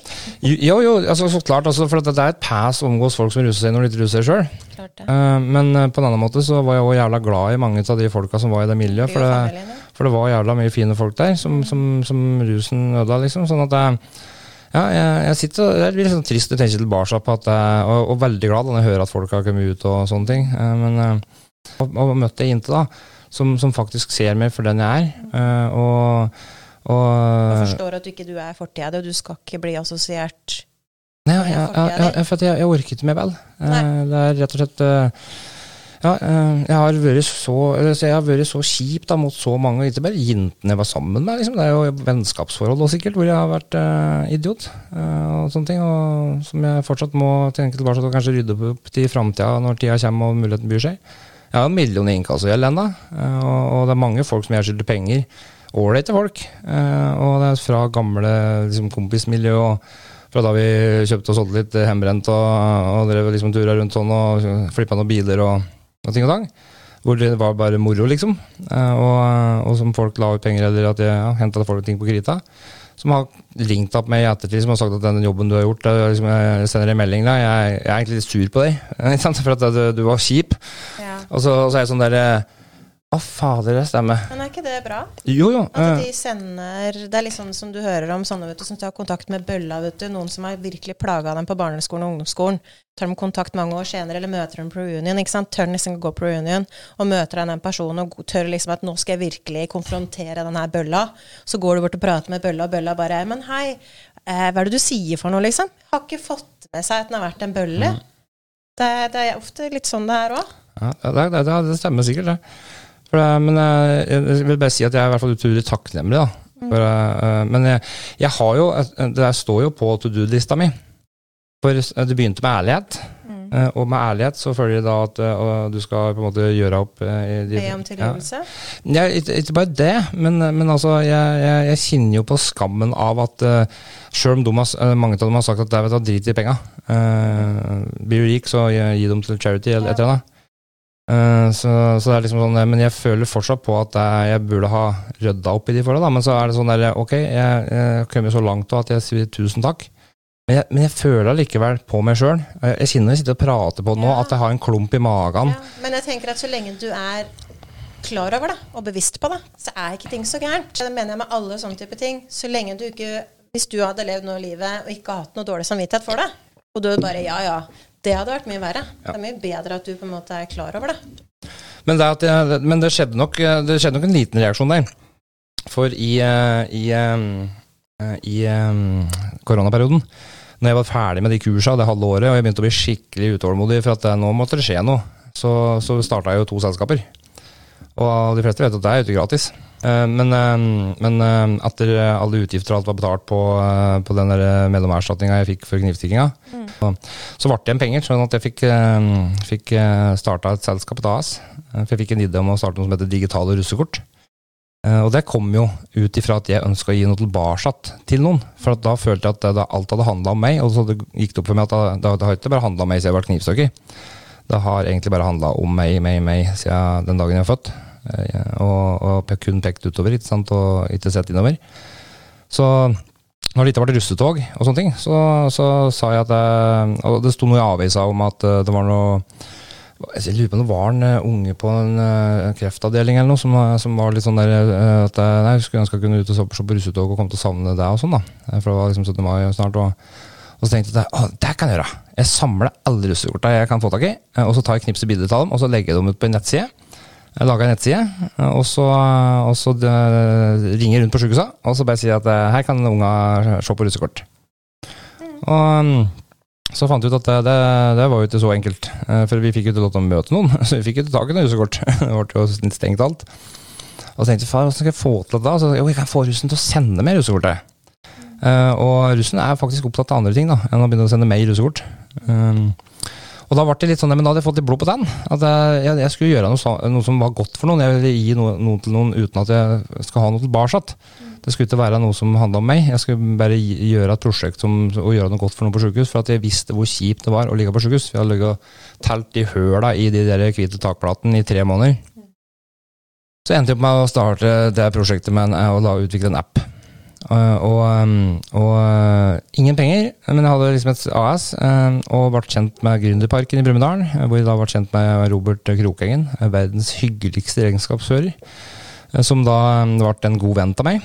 Um, for jeg hadde jo gått i sjølutviklingskursene, så jeg visste altså, Jeg lærte business, jeg. Ta Tony Robins og ta, um, ta Petter Stordalen og boka hans og, og sånne ting. Eh, og leste meg fram til hva, hva er lurt å gjøre. eh, og sånne ting. Og det er jo spør de som har den kunnskapen du trenger, eh, om de deler det. Uh, og det er mange av de som sitter godt i det, de deler kanskje gratis med det, det du trenger, og så, og så er du i gang. Eh, så jeg lærte meg liksom hvordan jeg skulle prate med folk på nytt igjen. Og, og utrolig nok, da, så sjøl med min historie, og da hadde jeg ikke vært nykter i et halvt år, kanskje, jeg husker det, eh, så fikk jeg innpass i Gründerparken i Brumunddal av ei som heter Heidi Karlsen. Eh, jeg kan jeg litt få skryte nok av hun. Jeg var rimelig lang i maska sliten når jeg kom dit, tror jeg. Sjøl om jeg følte meg bra, så, um, så, så, så ga hun meg en sjanse. Og fikk plass i Gründerparken med den gründerideen min. Altså, det betydde så mye for meg at jeg, fikk, da, jeg kunne dra på kontoret uh, og begynne å eksistere. Og da, og da begynte jeg og da, Jeg er jo gammel støvsugerselger, vært et par år òg. Så da begynte jeg å ringe rundt til apputviklere og høre om det Hvordan kan jeg få laga en app som jeg kan putte de russekorta inn i. Uh, og så skal jeg ta, Hvis jeg tjener penger på dette en gang i tida, så skal 10% gå til veldedig formål. Uh, alt 10 av overskuddet. Og det skal ikke handle om at jeg skal tjene penger på det, for at det her skal være et prosjekt jeg skal gjøre for at jeg har lyst til å gjøre det. Eh, men så skjønte jeg fort at det, sånn funker ikke verden. Eh, du må ha penger for å, for å gjøre penger. da. Men jeg fikk en utvikler i Ålesund, da, som der du er fra. Avento Utvikling. Jeg, jeg bor der i hvert fall. Ja, det, det, det, du bor, ikke sant? Du er ifra. For du er brumunddøl, det.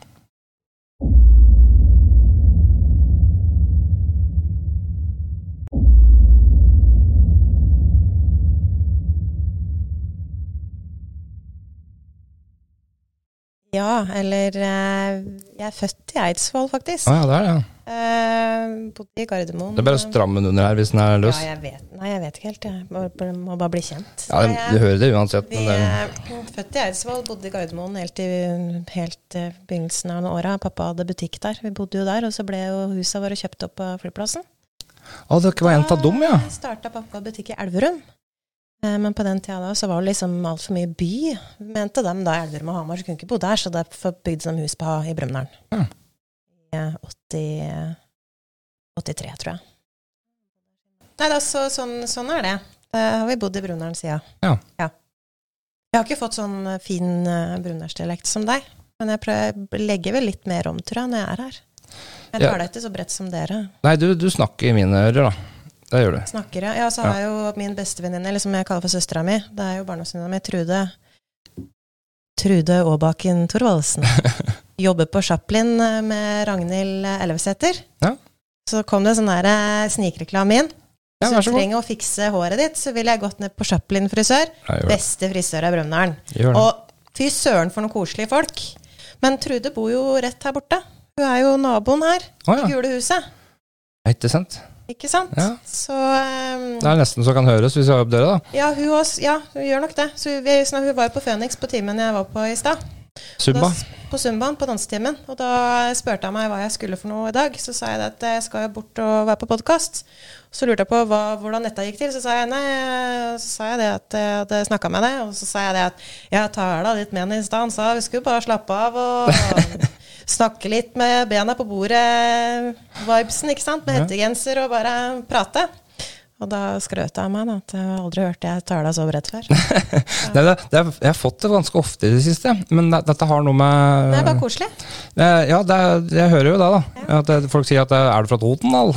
Ja, for dette er så bredt. Ja, men, eh, men det er meg. Og jeg, Hun tar deg skikkelig bredt. Det er derfor jeg tok uh, dem. men jeg slår om hvis jeg prater med Eirik, som, som har bygd og eier studier. Ja.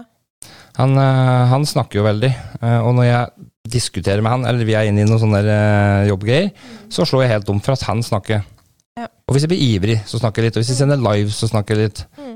Eh, Det er jo sånn det gjerne blir. Men jeg føler at det, når jeg hører på det etterpå, så, så høres det ikke ut som meg. Så det, jeg har bare gitt faen til Det det. er alltid rart å høre seg sjøl. Sånn stemme og høre seg sjøl, eller se seg sjøl. Det er jo kjemperart. ja, det, Men jeg har aldri blitt snakke, eller sn- snakker aldri sunnmøringer, altså. Sunnmøring. Åssen høres det ut, da? gjøre. Nei, vet du, det Men jeg er jo mer eller mindre nesten halvveis oppvokst i Møre og Romsdal òg, for mamma er jo nordmøring. Og mormor er romsdaling, så jeg har jo vært alle sommerer oppe i Bu, Molde, Mm. området rundt der. Eh, Så det er jo det jeg er vant til. Så man blir jo litt sånn her avhengig av fjord og fjell og det er sinnssykt sånn, fint oppi så det kunne jo aldri ha tenkt meg bodd her nede. Ikke? Nei. Nei. Det er Ikke, jeg får fort litt sånn klaustrofobi. Så må jeg liksom opp i, til uh, fjord og fjell igjen. Ja, jeg har, Ikke meg høyden. ja. ja, er- apropos høyde. eh, Du er jo klin kokos. Eh, Du det- hopper jo det- ut fra. Ja, det, du, du er klin kokos. Er, I min verden så er det for at du hopper ut av fly som fungerer. Eller, og, og, fjell, og fjell som du ikke trenger å hoppe ut ifra. Ja, eller hoppa fra Fløy fra fjell, drev med speedflying, eller mange kjenner vel paragliding. Sånn ekorndrakt? Eh, Eller sånn, sånn speed fra, eller hva? Speedflyer er Da har du på en måte vingen ute fra før. Så du springer på en måte med vingen er eh, Hangglider? Nei, det er, det er med den spisse. Det her er jo ah, ja, som, som paraglider ja, eller så- speedfly, interessant. som Ja, ja, nå er har jeg med. fra før. Så jeg Mm. har jo flydd fra fjell, men jeg er jo ikke det lenger. Eh, men jeg er veldig glad å gå på fjellet. Men jeg hater å gå ned fra fjellet, så vi får se med tid og stunder om det blir noe base etter hvert. Men eh, Hvorfor hater du å gå ned fra det? Det er sikkert fordi at jeg har uh, drevet med veldig mye fysisk aktivitet og dansing og forskjellig, og har knær. Hatt mye okay. ulykker og med, på ski og en med det andre, og har en kropp som ikke er noe glad i å gå nedover. Ok, det, så, det- er ikke sånn at det, det, liksom, nå har du gått turen opp, så da er det sånn der, off, gå ned at det er kjett. Det var Ja, at det ja, det òg. Men jeg kan, ikke ha, jeg kan ikke si det til folk at jeg har lyst til å begynne å, å hoppe base fordi at jeg syns det er kjedelig å gå ned. Altså, det går ikke an å si. Det er, det er liksom en dårlig grunn. Ja. Men det er jo en grunn. Jeg ja, men, ja, men det- jeg, jeg syns det er en nydelig grunn. For at Jeg det, synes det, det er jo Det Men er det- sikkert forferdelig å si, men det er jo dritkjedelig å gå ned fra fjellet. Men det er kjempeherlig å gå opp. Men Ja. det er veldig gøy med ski, da. Det er jo gøy. Jeg, jeg, men det, er- jeg er helt enig i det. Ja. For at jeg, når jeg begynte å sykle og skulle trene med Birken, Ja. så sykla jeg til Hamar og tilbake igjen. Og når jeg har gjort det i tre måneder, så blir du gæren i huet. Ja. Og alle turene etter det ble sånn der at det ble Altså jeg tok toget tilbake, for jeg gadd ikke. Det var ikke fordi jeg var sliten, men bare, da sykla jeg ned til Tangen, og så tok jeg toget tilbake. Uh, og så, til slutt så ble det såpass form at jeg klarte å ta runder. da. uh, og det. Men, Men uh, dere er jo kjempeflinke, både du og Anita. Er jo så, det, mamma har jo aldri møtt deg, men han, hun sier alltid 'Jeg tror nå har jeg møtt han, eh, han og Asbjørn. Jeg tror jeg har sett den sykla forbi.' Det er liksom sånn, det er mange som har sånn sett uh, syklende forbi. ja.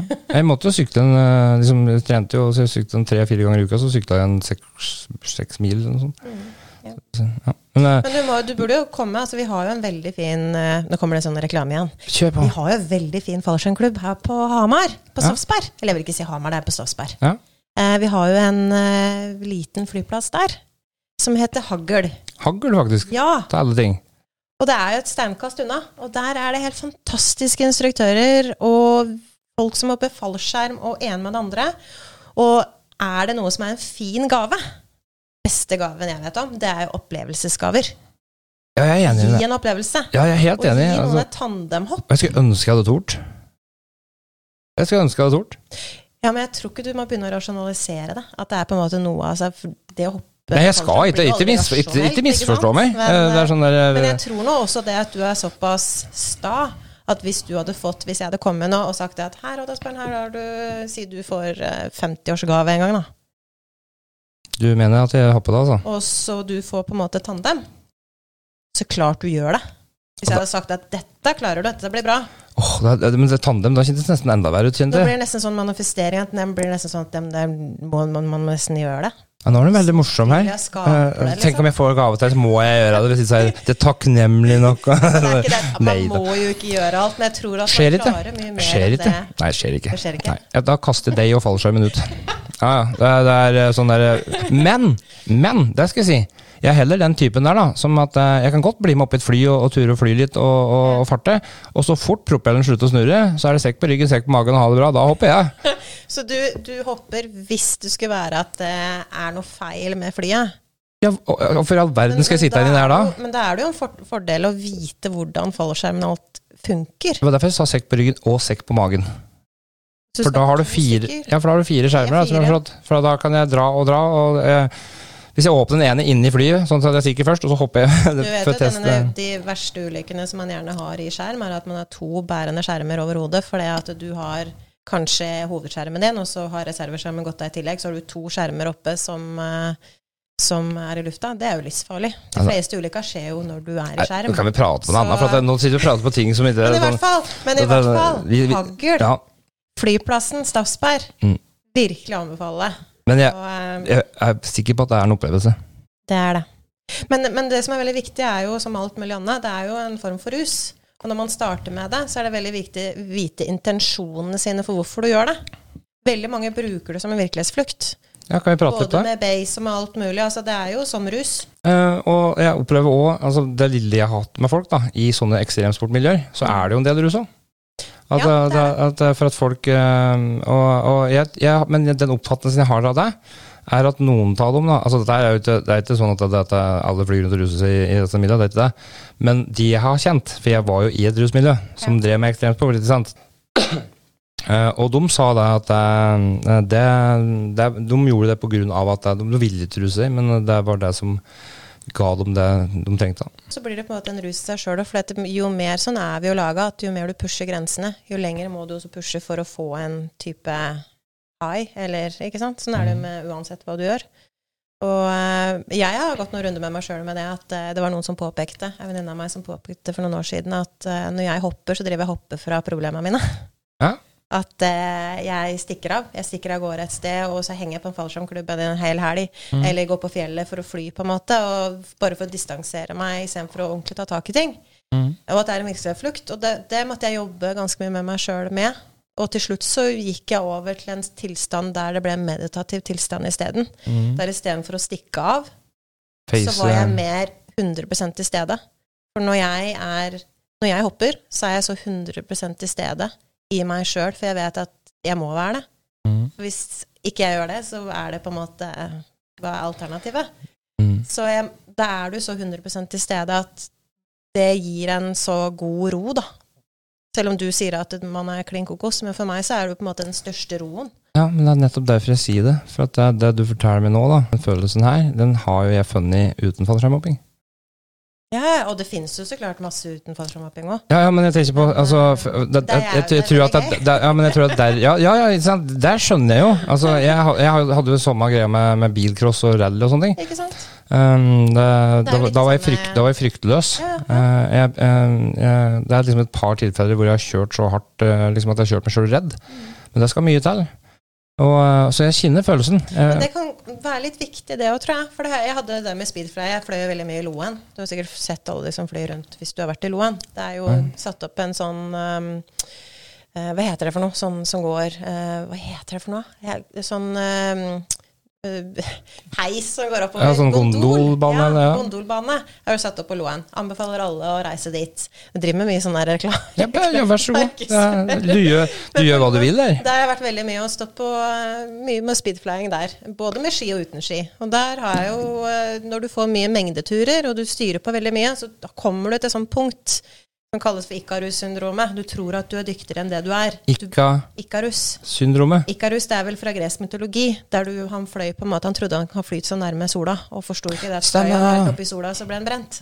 Mm. Eh, sånn, du tror på en måte at du er bedre enn det du er. Pushegrenser. Og det er da ting blir farlig. Mm. Så jeg har jo vært på Nordfjordeid og sydd eh, vet ikke hvor mange sting. Jeg er innvendig og utvendig på leggen. Den leggen nesten kunne vært av. Ja. Fordi at eh, skia gikk opp, og eh, hele stålkanten på skia i en pendel med vingen gikk inn i leggen og falt fem-seks eh, meter ned. Og det var eh, styr uten sidestykke. Så Nå prater du på samme greia som vi ser på den uh, reklama hvor han kommer flygende så, og slider på vaiere på skisenteret og mellom disse hyttene på TV. Hvis du ser på TV, da. Uh, ja, uh, det er samme, men det er en paraglider. Ja, men det er litt litt samme greia, sånn liksom. En litt mindre paraglider, ja. Ja, ja. Så, men eh, altså, jeg har, hopp, har vel Jeg har ganske mange speedfly-turer, men jeg har slutta med det nå.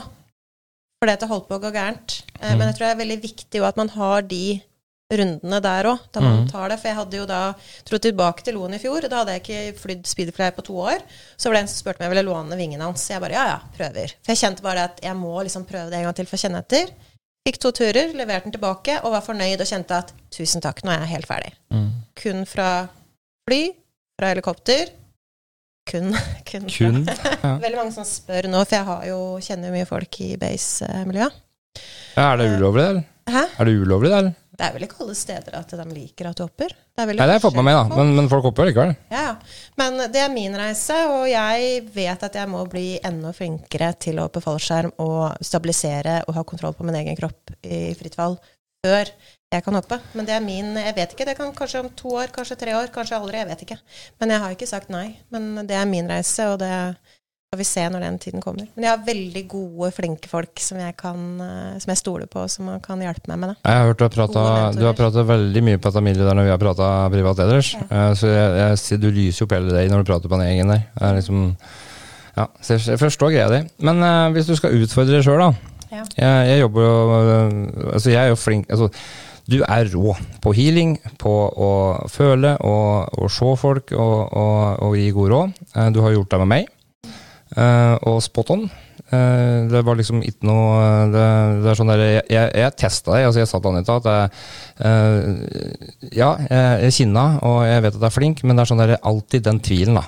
Finne det på Facebook, informasjonen sin. Men, eller men det tror jeg er veldig viktig. Ja. Skal, man, jeg syns man skal ha litt sånn sunn eh, skepsisme. Ja, for Jeg stoler liksom ikke på noen, da. Eller sånn der, ja, det, men grunnen til det er jo den sunne skepsisen, sikkert. Men, men det er litt sånn eh, Men Michael så, så trengte ikke det, for han hadde vært på TV og på en måte nagla den. Han så- hadde blitt testa nok, han, liksom. han, har, han, han har dokumentert ja. hva han er. Sånn at, eh, og, og jeg betaler fortsatt de 99 kronene, selv om jeg er venner òg. Så betaler jeg de 99 kronene som det koster å være medlem i den, på den sida hans. Den Ja. W-verden Nei, Dobbelt eh, nei W, ikke kål, men. Dobbelt. Ja. Ja.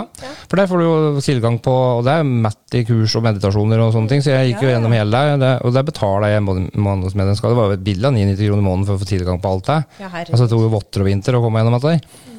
Så, så det er å anbefale alle å gjøre. Det er en billig måte å få tilgang på mye godt Masse materiale på. Ja. Mm. Uh, Men uh, nå, nå datt igjen ut av meg sjøl. Men jo, personutvikling. Eh, og og jeg, jeg føler at jeg, det det er der jeg er litt bedre, for jeg har jo på en måte gjort den reisa. Mm. Jeg, jeg våkna ikke opp, uh, eller ble født, og så plutselig så kunne jeg rense hus og, og sånne ting.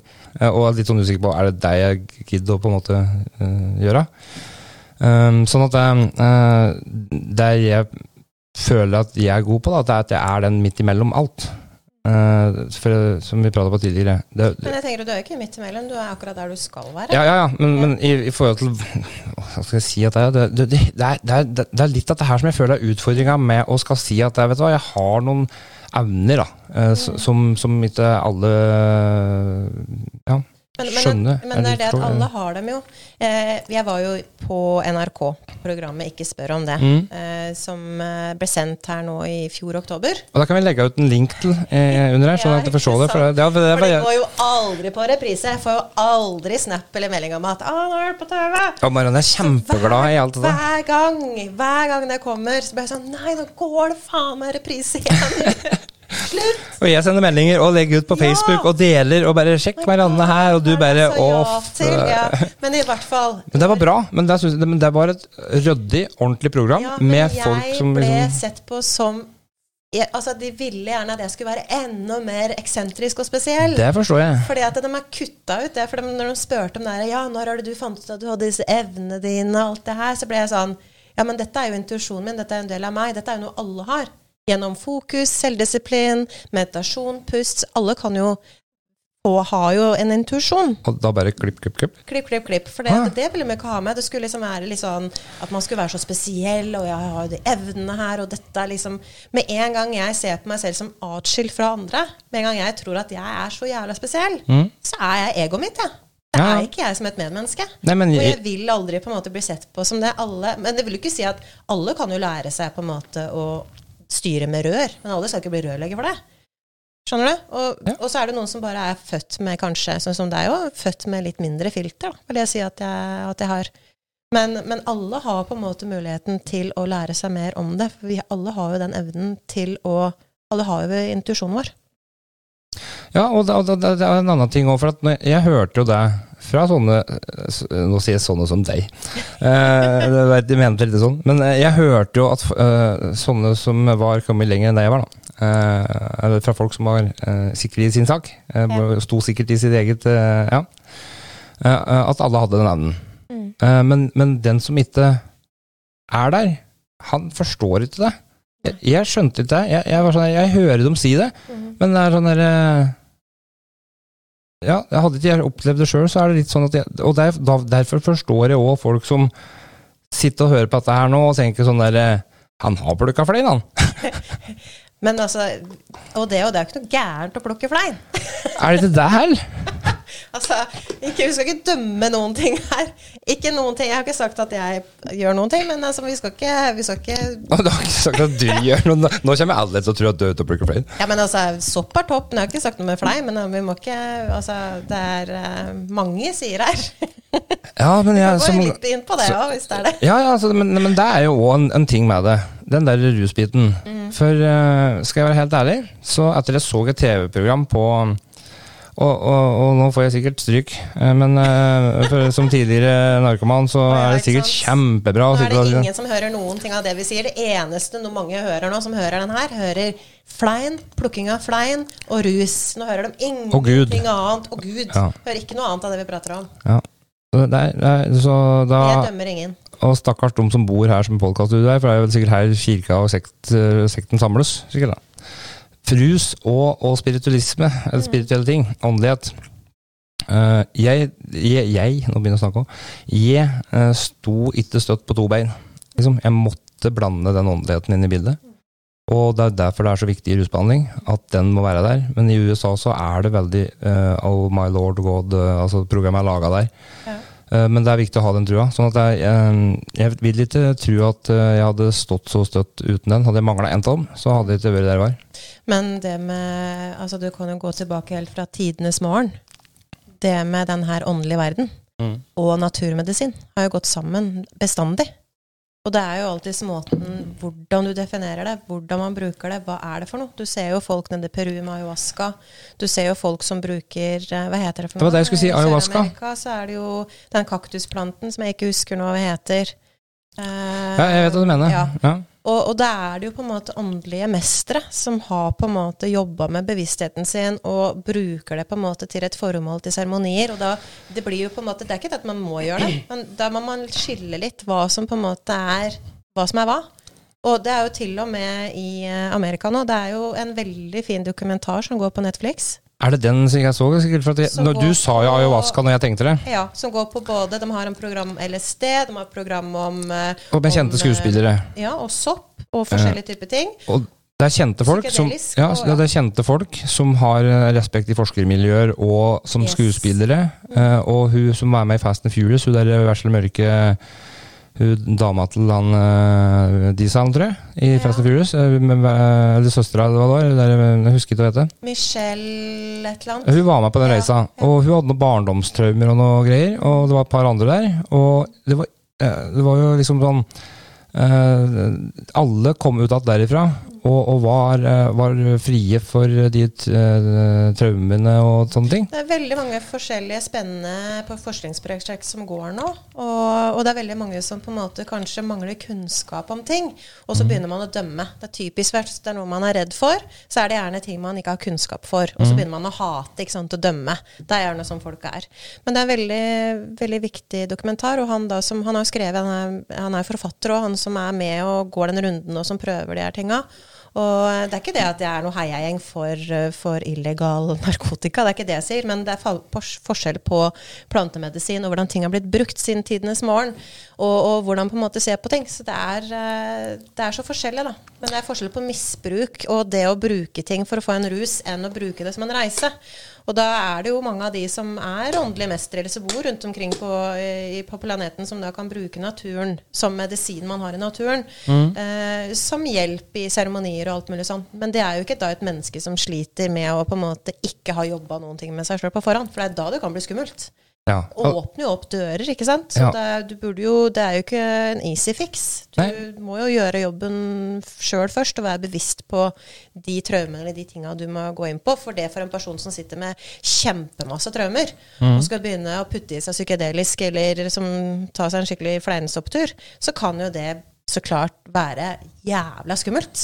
Ja, jeg hadde ikke tort å bruke flamesopp ut ifra hva jeg har sett. Liksom. Sånn, det, det, hadde jeg ikke gjort uansett, tror jeg. Så, så, det som er, det er jo ingen her som, som hvis noen har misforstått at ja. vi sitter her og tuller med fleinsopp. Jeg Nei. dømmer ingen, som sagt.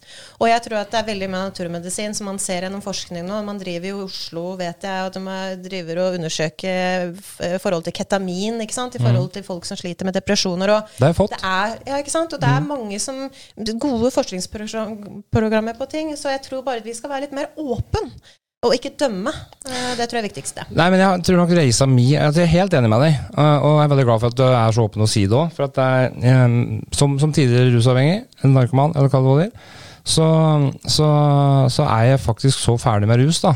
Eh, biten, Den fysiske rusbiten jeg har jo sikkert, altså Det er jo ferskvare, en rusavhengighet, sånn at det kommer aldri til å gå over dette her. Men, men, den fysiske rusbiten gjør jo det at jeg, jeg har, uh, nå har jeg ikke lyst lenger. Nå, nå, nå, er det, nå, er jeg helt fri på en måte da, fra den biten. Uh, og, og, takler følelser på min Om jeg ikke takler dem bra, eller så bra som jeg burde, eller et eller annet, så, så lærer jeg å, fortsatt vokser og ja. Men, men, når det blir prat på sånne ting, så merker jeg at det butter litt i meg, i, i, av erfaringa mi.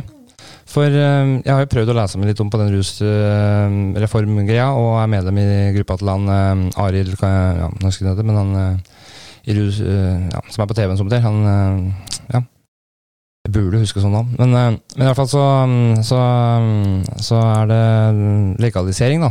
Mm. Og, og, der har jeg stilt meg sjøl åpen for å høre for og imot. Ja. For at jeg føler at jeg er såpass ferdig med rus at jeg er litt for mye imot, hvis du skjønner. For at det, skal vi gå dit, liksom? Ja, men dess mer jeg finner ut av det, og dess mer jeg leser om det, og sånne ting, så er jeg kommet til det at jeg, jeg må tørre å si det høyt. Liksom, at jeg, vet hva, jeg tror faktisk at det hadde vært veldig bra. Uh, og få kontrollert dette ned til de, formene som det kan brukes til, til fordel for, eh, for de som på en måte trenger det. Nå, prater jeg ikke på nødvendigvis de som er på tyngre stoffer og må ha det for å komme av. Nå prater jeg for eh, altså, Tenk at vi hadde kommet så langt eh, at alle kunne ha fått akkurat det de trengte for akkurat det, det, det som feilte dem, eller som Ja. mangla. Ja. Jeg vil bare si en ting nå. Dere som kanskje bare hopper inn eller hører begynnelsen av podkasten akkurat her, så tror jeg det er veldig viktig å påpeke at kanskje du skal høre hele. Sånn at Ja, ja. du hopper inn og tror at nå snakker vi om dette her, og at det er noe, for det er så veldig mange folk som misforstår. Eh, Så det er viktig å høre alt før man på en måte kanskje lager en mening. Det er ingen her som er pro noen ting som helst. Vi bare har en åpenhet, og jeg tror det er viktig å ha den kunnskapen, den åpenheten. Og jeg tror at det er veldig mange mennesker der ute som eh, må finne sin egen vei for å få det bra. Og hvilken måte det er på, det er meg revnende likegyldig så lenge den personen er gode, snille mennesker og får det godt med seg selv. Ja. Det er liksom alfa og omega for meg. Og, eh, og ja, jeg er helt enig med deg i forhold til legaliseringa, og jeg vet at det skremmer så sinnssykt mange mennesker. Og istedenfor å da ha den åpenheten, så går de inn i frykten sin. Og så vil de ikke høre noen ting om det. Og så sitter de med null kunnskap om det. Ja. Eh, Sånn som der òg, så er vi, vi lever jo i et ekstremt kapitalistisk vestlig verden. Mm. Eh, og grunnen til, sånn som jeg tror en av de verste rusene vi har i Norge, er alkohol. Som ødelegger mest Ja. familier, og som ødelegger kropper, og som er Det er ikke noe vi, det, det er ikke noe vi, det er, men det er ikke noe vi tror, igjen, For det vet vi jo nå. Men det er på en måte lov, selv om det er en av de verste rusene vi har. Mm. Ja. Men det er også fordi at vi lever i en vestlig kapitalistisk verden der staten tjener jo shitloads of money på, på alkohol. Mm. Så hvis man skal legalisere og gjøre sånne type ting så må jo også det inn i en ordna forhold, der staten igjen kan tjene penger på det, om det er marihuana eller hasj eller whatever. Mhm. Men det driter jeg i. Da får de bare gjøre det. Altså, ja. i en sånn type, ikke sant. Ja. Da du har Vinmonopolet, så har har du liksom eh, Hva slags type Cannabisbole? Cannabisbule, ikke sant? Der, der tror jeg, der tror jeg dørstokkmila kan bli lang for mange. Altså. Ja, men se rundt omkring i verden, da. Det er eh, Ja, ja, ja, jeg- jeg vet det. kommet, Det- Jeg har jo fortsatt venner nå. Jeg har jo en venn eh, i Molde som har hatt hjernekreft. Og han fikk jo til slutt det i nesespray. Mm. Cannabisolje. Og det Ja. var den som funka på han. Det har jeg hørt mange andre òg. Det er en i Brumunddal, en som i Kine, som har fått det samme. Som, som hadde MS eller noe der, og totalt uh, forandra verden. Det er mange som sniker det inn til folk, og som på en måte kjøper uh, her og der, for det er det eneste som hjelper mot smertene. Men jeg er litt sånn der, t- fortsatt litt sånn tvilende på for det, det, dette her er For jeg, jeg prøver da å hele tida øh, Hele tida å uh, For å kjenne virkelig på hva jeg føler. Mm. Jeg, jeg savner jo ikke rusen. Jeg savner jo ikke heller følelsen rusen ga meg. Og så er det litt sånn der Sjøl om det hadde blitt legalisert, Mm. Eh, og jeg visste at jeg, hvis, hvis jeg kunne hjulpet meg å sove om natta, da, for jeg sliter skikkelig med å få sove om natta Jeg våknet 100 ganger og, og får aldri sove i ett strekk. Og jeg har prøvd alt med himmeljord. Uh, og, og det går sånn i rykken opp. Og så er det sånn der, jeg vet jo at det er mitt indre meg kan he- helbredes, og så skal alt gå over, bla, bla, bla. bla. Men, uh, men, eh, men eh, den rusavhengige timen er litt sånn der eh, quick fix. Får jeg sove tre netter på rad, så fikser resten sjøl. Gi meg et eller så jeg får sove. Men eh, hver gang jeg skal spørre legen om det, så får jeg meg ikke til å gjøre det. Uh, sånn at jeg tror at hvis det hadde vært legalisert, så, så jeg, tror jeg, tror jeg da veien min hadde vært lang inn dit, sjøl om jeg er rusavhengig, og sjøl om jeg hadde kanskje sett på det som en positiv ting for mange andre. Ja, men det skal jo også være det. ikke sant? Det er jo ikke noe man bare skal på en måte bare gjøre. Men jeg tror igjen, som jeg sa i stad, at det mangler mye kunnskap på ting. ja. Og, og folk er veldig sånn blinde på det. Så lenge noe er lov, så tror de på en måte automatisk at da er det greit, og da er det sunt. Altså, ja, men det er jo det, for at det er sånn verden er. Og så er det på en måte Jeg ser jo det nå, at jo eldre jeg blir, jo mindre alkohol drikker jeg jo. Mm. Det er veldig sjelden at jeg har en sånn skikkelig fyllebløyte, liksom. Jeg liker jo å ta meg en pils eller et glass vin, men det å drikke seg dritings, liksom, det er veldig, veldig sjeldent. Og så kjenner jeg at det gir meg så lite òg. Mm. Eh, og skal sitte med på en måte da folk og, og drikke meg dritings, liksom. Det blir bare mindre og mindre av det. Ehm, så men, men det er bare det at så lenge det er lov, da noen har sagt at det er liksom lov å drikke alkohol, da er det bare å liksom kjøre på. Mm. Ja, jeg, er helt enig. Men, men jeg tror bare som sagt det er viktig å være åpen om det. Og um, Jeg liker å prate ut om alt, jeg, for at Ja. det er sånne ting som jeg ikke er helt sikker på, sier jeg gjerne høyt, og så hører jeg litt åssen det høres ut. Men jeg tror det er veldig viktig å være skeptisk mot det òg. Mm. Altså, jeg vet jo altså, det, er, det er jo liksom paradoks egentlig at vi sitter sånn sammen. For eh, du sier jo det at du har vært utro, du har drevet med rus, du har vært liksom stygg med folk. Mm. Og jeg har jo vært i forhold med en person som Mm. var veldig stygg, og som da sleit med rus. Eh, og igjen så er ikke det noen unnskyldning for en oppførsel, men det kan være en forklaring. Og enda så stoler du på Altså, jeg oppfatter at du stoler så, så, så mye som du kan stole på noen, da, på meg. Ja. Uh, føler jeg. Men det er fordi Eh, at du er, har evnen til å innrømme og se på at dette var gærent. Dette var gærent av meg. Jeg vil ikke være denne personen.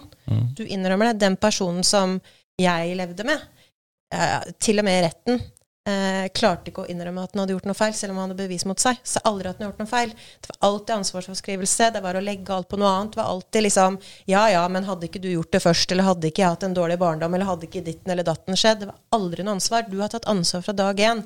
Og det er der du kan skille folk. Det er der du ser forskjell på folk. Alle mennesker kan være noen jævla drittsekker og gjør så innmari mye gærent. Men du må jo da vite at det er gærent. Mm. Nei, men jeg kjenner, jeg kjenner jeg blir litt lei meg når du sier at eh, når du var i retten, for at, du beskriver jo åssen jeg var, faktisk.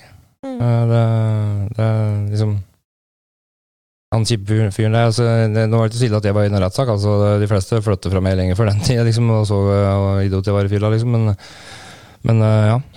Det, jeg tror det er, jeg tror, ja, det er sånn derre ja, eh, Hvis det er noen som på en måte sier Jeg, jeg tror det er derfor jeg gjør dette her. For at det, det er um, jeg, jeg vet at jeg er en ålreit fyr. Sjøl om mange andre har en helt annen mening. Men det vil du alltid være. ja, sånn at jeg, så, så innerst inne så, så, så, jeg, så, så ønsker jeg å være en mye bedre Hele tida ønsker jeg å være mye bedre og vet jeg kan forbedre meg. Og så har jeg aldri klart det, og så har jeg aldri gjort det. Um, alltid blitt lurendreieren, liksom. Og, um, og det er um, Men da ja, jeg, jeg, Nå datt det litt ut igjen, for jeg kjenner jeg liksom tenker litt på det ting og tang barsatt, men det, men det um, Hvis det sitter noen da og, og tror at det er de um, for, for det er jo skylda til alle andre når det er der. Mm. Ikke sant?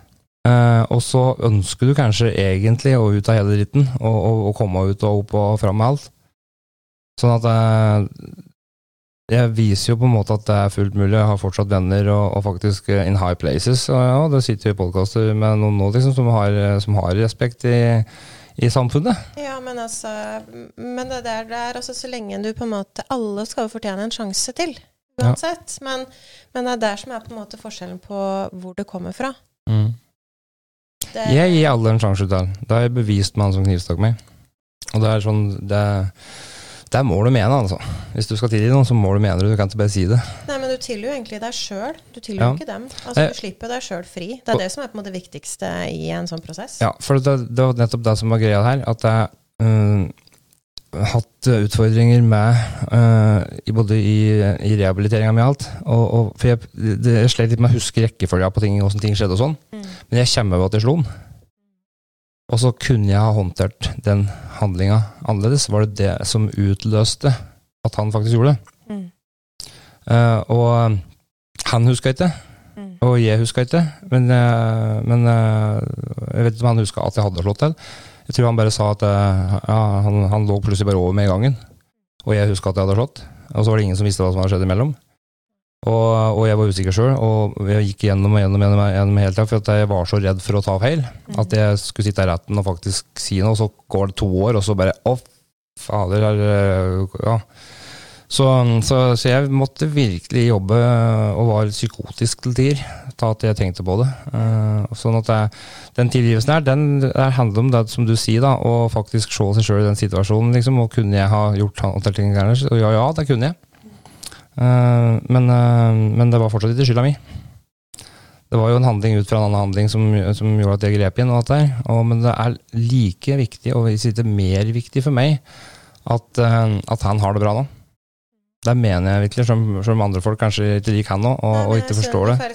jeg syns det er veldig stort, for det at eh, Da har du kommet langt når du klarer å på en måte komme dit. Det er veldig mange som stiller meg spørsmål da, ja, men du må ha vært så sint og hate og, og vært liksom så forbanna og sånn. Men jeg tror ikke jeg har et sånn gen, sånn hatgen. Og det gjorde jeg. Ja. Det hatet når jeg, når jeg lå på sjukehus og så hvor vondt familien min hadde, og redde de var og sånn, så, så var jeg så hentanke Og det, er viktig å få ut alle det, men jeg tror altså, det å hate det, Mm. Jeg har alltid vært der at jeg prøver å finne en type forståelse. Det er sikkert derfor, og det er jo ikke bra, det heller. Mm. Men, eh, men jeg Det å hate, liksom, det, jeg vet ikke om jeg har det. Nei. Jeg har tenkt på mange ganger. Og hvis det er noen som lurer på og fortsatt, da, for at jeg, jeg, jeg, er jo, jeg, er jo hele historien min, så hvis det er noen som lurer på noe, hva som har skjedd, så, så er det, ligger det noen andre podkaster en eller annen stand her. Del 1, 2, de første podkastene jeg la ut, er om livet mitt fra barndommen, eh, ungdommen og det voksne ruslivet mitt. Så jeg må, sitter alene og forteller hele historia, sånn at du kan, Og det er jo en kjempesterk og eh, fascinerende historie, så alle Ja. burde gå inn og og, og, Men jeg anbefaler litt at uh, de under 16 skal høre det, egentlig. Det, jeg har lagt en aldersbegrensning på det, måtte gjøre, for at det, det er ganske heavy detaljer der. Ja. Så, Og det skal det jo være òg. Ja, for at for at jo ekte. ja, det er litt det, men, men jeg vil være ekte uten å sverte noen, hvis du skjønner hva jeg mener. Uh, men for, han, for at han tok jo straffa si. Han anka ikke. Uh, han ga meg noe blikk i retten og nikka opp meg. Altså, jeg fikk, en, jeg fikk et inntrykk av at det greit, dette her det var dumt. Så han og, erkjente seg skyldig? nei, han, han, uh, for han fikk, Det var jo sikta for drapsforsøk. Ja. Og det var veldig klart. Den, liksom, det nekta han på. eh, At han sa det var sjølforsvar. Og så hadde han utfordring med å huske alt som han sa, han òg. Mm. Sånn at det det var, eh, det var eh, men, eh, men det er jo naturlig du, du, du, når du får påstand om åtte års fengsel. Jeg hadde ikke, jeg hadde ikke innrømt eller tatt den i for at du vet jo alltid at du kan prute litt på de åra. Det er jo ting og elementer som, som retten Ja, kan på en måte komme inn og, og klarere opp litt for oss. da. Men generelt i norsk rettssystem så er det jo vanskelig å få noe dom hvis du skader andre, eller skader unger eller dyr eller noen ting som helst. Er, er, Ja, det er latterlig, det er jo sånn latterlig greie. Men, men når det er sagt, så, så, så det, Han fikk påstand på åtte år. Og da sa jeg til advokaten min at det, det syns jeg høres lenge ut i fengsel. Jeg har 71 år sjøl. og, hvis- og han er vel rundt 50, og hvis han skal sitte åtte år i fengsel, da er livet over, da. Mm. På en måte, I mine øyne, da. Da er det ikke noe vits å prøve. Eh, Hadde jeg tenkt, da. Det sier veldig mye om deg som person, da, at du klarer å tenke sånn. De aller fleste vil jo bare tenke hevn, hevn, hevn. hevn. Han kan råtne i fengsel, ikke sant, og, og har da venner og familier som støtter opp under og bygger opp en sånn hatpropaganda mot den personen som har gjort det mot deg. Veldig, det er jo veldig vanlig menneskelig respons. Når Ja, du klarer å på en måte se på det på den måten her, det er jo ganske stort. Jeg Selv om jeg ikke kjenner familien hans, eller, eller, eh, eller på en måte vet om de har kontakt, eller Jeg, vet ikke åssen han har han- håndtert dette, jeg vet ikke det jeg. Nei. Eh, om det liksom, men han har jo sikkert noen som bryr seg om seg, han òg. og som, uh, som på en måte Ja, eh, jeg vet ikke. Men, eh, men uansett så er det sånn eh, Det som snudde meg, da, det var jo faren min. At jeg så faren min så fly forbanna og redd, da. Kanskje sikkert òg. når, når jeg ble redd. Når jeg fikk panikk. Og da gikk det opp for meg at dette her handler jo fader ikke bare meg. Eh, og da begynte jeg å se i øya på dem at det, det var tomme blikk. altså det var sånn der, Dette hadde gått så hardt inn på dem. Da begynte jeg å se det. Og da ble jeg så lei meg. Eh, og og da, da begynte jeg å jobbe med å, å klare, klare å tilgi dette, klare å se meg sjøl dette. her. Det er ingenting som er så utmattende som det å være sint. Nei, jeg ble, jeg ble ikke frisk. Jeg ble aldri frisk. Jeg gikk til 30 kilo på tre måneder.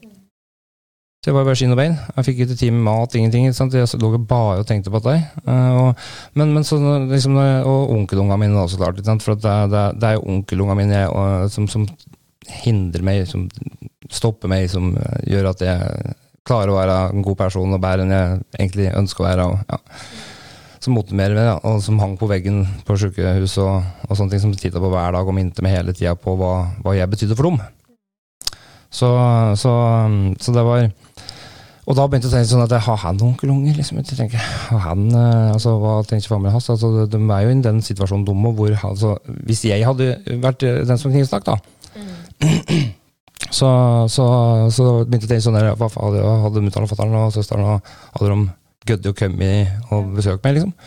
Da hadde de bare skjøvet meg unna? Og så, så begynte det der, egentlig. Og, og da endte han på visa var at eh, eh, det ble påstand om åtte år, og så, og så sier, så sier, sier liksom til advokaten at jeg syns det høres mye ut sånn, for at jeg, jeg føler jo at jeg har fått en sjanse. Det gikk jo lenge før jeg kunne komme opp pga. koronaen og alt det der. Og Kripos og, og det skulle jo Jeg var jo både i leilighet der og måtte gjenskape eh, rekonstruksjon og sånne ting. Og det tror jeg var jævla bra for meg. Å få lov til å gå inn i den uh, leiligheta i gangen der, inn, inn igjen i den pl- hjemmet hans. Og, og det er jo et overtramp må være. Altså Hvis han skulle komme inn igjen i min leilighet, ikke sant? Hva, hva gjør det med folka? Uh, sånn at det, det, det var så mye følelser, jeg. Eh, jeg- det- ja. Det rabla Jeg datt jo tilbake og rusa meg et par turer liksom, eh, i løpet der. Og, um, men, uh, men uh, det var nok den der uh, at jeg så, uh, så følelsen i, i øya på familien min, som fikk meg til å tenke på familien hans. Som, som igjen liksom gjorde at den, når, når påstanden om år var lagt ned, og jeg satt der, så så, så jeg aktoren vrei seg i stolen når jeg svarte på spørsmål. For han hadde så lyst til å dømme han de åtte åra, eh, og for at han har jo en, en historikk, han òg.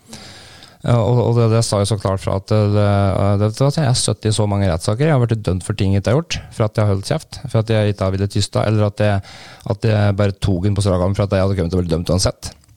Eller trodde at det ble det. Så, så jeg kan si med det rettssystemet du, du blir dømt for ting du ikke har gjort der. Eh, Men, men det er litt sånn der, om du da bare lar dem gjøre det, for at du har satt deg sjøl i en situasjon hvor det er det lureste å gjøre, da, kan jeg si. Men, men da, det er den første rettssaken jeg har sittet i, eh, hvor liksom, eh, aktor eller eh, aktoratet prøvde å si liksom Ja, hva følte du? Altså, eh, hva så du da? Og så hadde han forklart at eh, han var redd. Eh, og, mens jeg, det jeg huska, var at den var vill. Og så begynner jeg å tenke sånn der Var det redsel, eller var det sinne? Uh, og da ble jeg usikker. Og vet du hva, når jeg ble usikker da, så torde ikke jeg å ta og si at vet du hva, det, han var helt gæren. Han var, altså jeg, jeg, jeg, jeg greide å si det, for at det, det kunne ha vært redsel. Det kunne ha vært det. Um, og da si noe annet, da blir helt feil. Eh, sånn at jeg, og, jeg, og jeg, jeg ble jo så irritert, for jeg ble irritert av det, da. For jeg hadde, jo, jeg hadde jo noe PTSD-anfall sikkert, eller noe trømmegreier før ut dette, så det var jo helt sjukt. det, Ja. Men, da, men da sa advokaten min at jeg, du prata til han to år, sa han. Eh, Du, du, du, du, du prata til han to år. Eh, Det er liksom at han har vært dømt seks. Og da sa jeg det er, det er godt å høre seg. Eh, ja, nei, men uh, det, det han har gjort, liksom sånn, så, så ja, Uh, straffer er straffer og sånn, så liksom Men da sa jeg det at vet du hva, sier. Hvis dette hadde vært meg, og jeg hadde vært 50 år, skulle inn i 8 år for en ting som skjedde i fylla, og, og det har nok gått så bra som det har gjort, og det er ikke meg det er synd på her, men hvis jeg hadde fått seks år siden, og jeg kunne ha kommet av til fire, og i tillegg hadde kunnet fått prata med han, for nå har jeg gått i rusbehandling, nå vet jeg hva det gjør for meg. Eh, Hvis jeg hadde, hvis jeg hadde fått den sjansen, sier jeg, så er det faktisk helt opp til han. Da har han fått alle muligheter til meg. Jeg har fått alle muligheter, og hvis det ikke funker da Vi kan fortsatt hilse når vi møter dem på butikken, ikke noe stress. Men da er, da er det i hvert fall ikke jeg som har måte, Og hvis du får en sjanse av den som på en måte er idioten, kanskje, i andre sine øyer, eller Ja. så, så, så håper jeg at det er nok da, til at, det, at den har det bra. Og alle rundt den, inkludert. Ja, hvis man da er villig til å bli bedre og bli et bedre menneske og ta tak i ting. Så lenge man ikke fortsetter i den offermodusen der det er alle andre sin feil. Og det er jo sånn det er veldig mange mennesker som er. Enten så Si at du har tre forskjellige måter å se det på, da. Du har det ene der du hele tida på en måte jobber med troer du har om deg sjøl, ikke sant? Om uh, at ikke du føler deg bra nok, eller ting er forferdelig. Eller så er det troer du har om andre. At det er alle andre sin feil, ikke sant? At du må gjøre eller si ting sånn at jeg skal ha det bra. Altså som tror du har om andre. Eller så er det folk som har det om verden. At verden skylder dem noe. At du må Nå har jeg vært jobba på og stått på, og nå fortjener jeg liksom at det plutselig kommer en enhjørning dalende ned med en stor bag med tre millioner kroner oppi. Altså, så forstår du til slutt det når du blir eldre, at det er faktisk ingen som kommer. Det er ingen som kommer og redder deg eller gjør noen ting som helst. Og det handler ikke om de negative troene eller at det er noen andre som skal redde meg, eller at verden skylder meg noe. Det handler om meg. Jeg må på en måte gjøre alt sjøl. Og da må du også være kapabel til å ta den jobben. Og det er der det skiller mellom folk, og det er veldig stort når du forteller historien nå, at du har klart å på en måte se det på den måten der. Ja, du, du, fortsatt så har du de da som, som hadde vært deg, som fortsatt hadde bare da, som du sier, du innrømmer at du har melka at du har vært i koma. Ikke sant? Jeg, mel jeg brukte komakortet. mm, Og, og at du på en måte du har vært offer og vært gjennom alle de tinga her. Noen hadde jo bare fortsatt å bruke det for å få en type omsorg og kjærlighet. Og hadde bundet opp hele identiteten sin i de hendelsene, fordi at man tror da at hvis jeg bare er meg sjøl, så er ikke jeg bra nok. Jeg må ha de hendelsene og de trauene mine, for det gjør meg til en person som folk vil se og forstå og gi mer omsorg og kjærlighet. Er jeg frisk, da, mm. så vil jo ikke folk synes synd på meg og gi meg omsorg og kjærlighet. Nei, men, men det, det er jo nettopp det. eh, at det, det må en ekstrem handling til for en ekstrem fyr som meg, for å skjønne, skjønne det. Ja. Kanskje for han òg. Kanskje dette her måtte til. Altså, det, det, det, er, er ikke sikkert at det ordner noe i det hele tatt. Og det, og det, altså, det driter egentlig tid. Nei, men det viktigste er det er- reisen som du ja. har. Ikke sant? Reisen og du og, og det ser man jo med folk overalt. At det, Jeg gjør jo ikke dette her for å være god eller snill eller få oppmerksomhet i podkaster eller sånne ting. nei, nei, nei. Dette her mener jeg. Ja, Helt det det- 110 000 sikker. det tror jeg er kjempeviktig, for der er det så stor forskjell med folk akkurat der. Og du ser jo det at de aller fleste har jo gått gjennom store traumer, hendelser og ting som har vært forferdelige, Mm. for at det skaper en endring. Altså, Det hører om hele tida. Det er folk som f.eks. har hatt hjerteinfarkt, som sier etterpå at de endrer hele livet sitt. Ikke sant? Eller andre typer ting. Altså, det, det må liksom til Men jeg vet grunnen. Hvorfor det ikke blir akseptert at, jeg sier, altså at noen ikke aksepterer at jeg sier det. Eh, Det første er som du sa, at det, dette sier en bare for å eh, virke god. ikke sant? Noen kan jo tro det. Ja, det vil alltid være Ja, noen som eh, Og andre kan være at eh, han har skada eller gjort vondt mot andre folk, som syns at jeg er en idiot som uh, tilgir han. Selvfølgelig. Eh, sånn og det- det være. Og, og det er jo sånn om med folk her at uansett hvor mye du har forandra deg, så er det alle de menneskene der ute som vil tviholde på sin virkelighetsoppfatning av deg. Ja, De har skapt en sannhet rundt deg Mm. og en tro rundt deg som er på den måten. Og uansett om du plutselig har blitt Jesus, så nekter de å tro på det. For de skal ha den virkelighetsoppfatningen som de har hatt av deg da, for, si, for 10-15 år siden. Mm. Og det er veldig mange mennesker der som klarer på en måte ikke å gi slipp på det. Uansett hvor mye et menneske forandrer seg eller gjør gode ting. da. Mm. Og Derfor må man bare komme til det punktet etter hvert, som heldigvis man gjør når man blir eldre, at man begynner å gi mer faen i hva folk tenker om deg. Mm. For det handler ikke om deg. Hva folk tenker eller tror eller mener. Det handler aldri om deg. Men jeg føler hele tida likevel at jeg, uh, sjøl om jeg er helt, helt og liksom er så åpen, da, um, så, så har jeg nå i tre og et halvt år eh, prøvd å komme tilbake til arbeidslivet. For at jeg har fått en ny sjanse, og jeg, jeg kunne tenkt meg å drive med det jeg elsker. Og så har jeg helsa mi skranta en god del. Uh, og dette her er jo en god dag. Eh, jeg legger ikke ut de dårligste damene på TikTok, jeg. Eh, mye av familien min, liksom. At jeg, de, de, de syns Du jeg føler det er belastende for Ja. dem? de føler nok at det er litt belastende at jeg er så åpen. Ja, eh, det, og, og det er sånn at eh, de kunne nok helst ha tenkt seg at jeg Men hører de på for det, eller er det sånn at det er ute av syne, ute av sinne? At du forklarer sånn at da er det ikke vits å høre på? de støtter meg uansett, så jeg er så utrolig heldig. Ikke sant? Eh, Søstera mi er veldig god på å utfordre meg da, for å teste meg. Liksom. Hun, hun er den eneste som på en måte kanskje tør litt, da. og det er jeg så takknemlig for. Så, men hun sier hun sier at jeg forstår jo det, at dette her er terapi for deg. Jeg forstår at du har behov for å prate på det. Og ja, det har jeg, og det er, og det er av forskjellige grunner. Og det verste publikummet man har, er jo også gjerne ofte. Det kan være både nære venner og familie. Altså den sterkeste, næreste relasjonene kan ofte være det, at det blir kan bli vanskelig, for det blir så nært. Nå er det jeg litt sånn, da. Jeg har så lyst på den her. Drekk i vei. Eh, jeg er litt sånn overraska over at Alt handler om balanse, er det ikke det du sier? Uh, og Asbjørn sendte jo en eh, melding til meg og sa at jeg måtte ta med meg et eget vann. Og da satt jeg i bilen og kjøpte en stor pose med godteri fra Rema 1000 og Red Bull. Og jeg tenkte Og du satte igjen godteri. Ja, for jeg, da tenkte jeg liksom sånn Jeg har litt sånn her, hva heter det, imposter syndrome, ja. som jeg sliter med. For da tenker jeg at oi, nå tror Odd Asbjørn at jeg er sånn skikkelig sunn og kommer rett fra dansetime, dritsunn, ikke sant. Kommer inn dit og tar med vannet ditt. Mens jeg satt liksom med kjeften full av godteri og Red Bull i ene hånda, og jeg bare Da må jeg faktisk stoppe innom butikken og kjøpe meg en flaske med vann. Er, Det altså, er litt sånn jeg er, altså. Det Ja, men er enten-eller. la, oss, la oss snakke litt om det som terapeuten sier meg. Mm. For uh, tidligere rusavhengig, gått til ståltidsbehandlinga, blitt sånn og sånn, starta podkast og prater på alt med himmel og jord og har sine meninger, og han er helt fjern, og det har skjedd noe, ikke sant. Vil du at jeg skal hente godteposen? Var det det du lurte på? Om at jeg skulle ta den med inn hit? Ja, vil du ha kors nå, så kan du møte ja, om du følte at uh... ja, vi, kan, vi kan godt ta en liten pause, for at det en av de grunnene nå, kjenner jeg at jeg- tennene mine er sånn, for at jeg, jeg, jeg har så vondt i ryggen og i beina. Ja, da kan vi reise oss opp, og så kan jeg hente godteriet. så jeg er litt sånn i kinnet nå at jeg nå begynner å bli så sliten at jeg begynner å bli dum. Så vi tar en liten pause, henter kors. pause. Ja, takk. Vi trenger det, tror jeg.